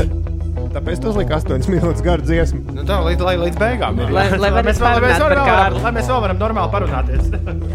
Pie radioaparāta ir kāds cilvēks, šobrīd, kurš ir apņēmies rīt obligāti ieslēgt un noklausīties pēdējos piecus rītus, vai pat vairāk cilvēki, bet uh, viņš vēl nezina, ka notiks dzīve un kaut kādu iemeslu dēļ. Rīt viņam vienkārši būs daudz svarīgākas lietas, par ko domāt. Un uh, tā arī izrādās šobrīd mēs tiekamies pēdējo reizi. Paldies par kompāniju tādā gadījumā. Pagaidīt, nebūs. Rīt būs, bet es tev piedāvāju seriālu Office faniem, ka varbūt ka jābeidz ar šodien neko nepasakot. Tur bija tāda viena aina, bet Nu, katrā ziņā es, es esmu gatavs izslēgt gaismu. ja vajag. Durvis. Tu tūlīt varēsi darīt, jo Wolfam patīk tumsā strādāt.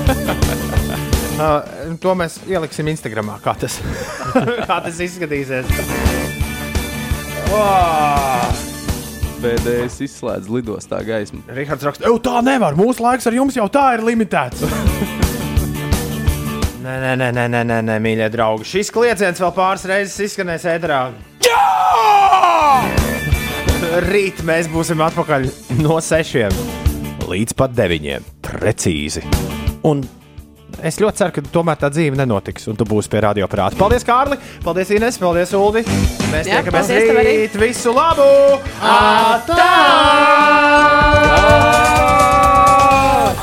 Austruma slimnīcā smagi slimo Covid pacientu skaits daudz lielāks nekā iepriekš. Cilvēki ar invaliditāti vēlas skaidrāku nodarbinātības politiku. Bet, ja tev būtu jāizvēlas viena virsotne no visām, tad Austruma slimnīcā šobrīd smagi slimo Covid pacientu skaits ir krietni lielāks nekā iepriekš.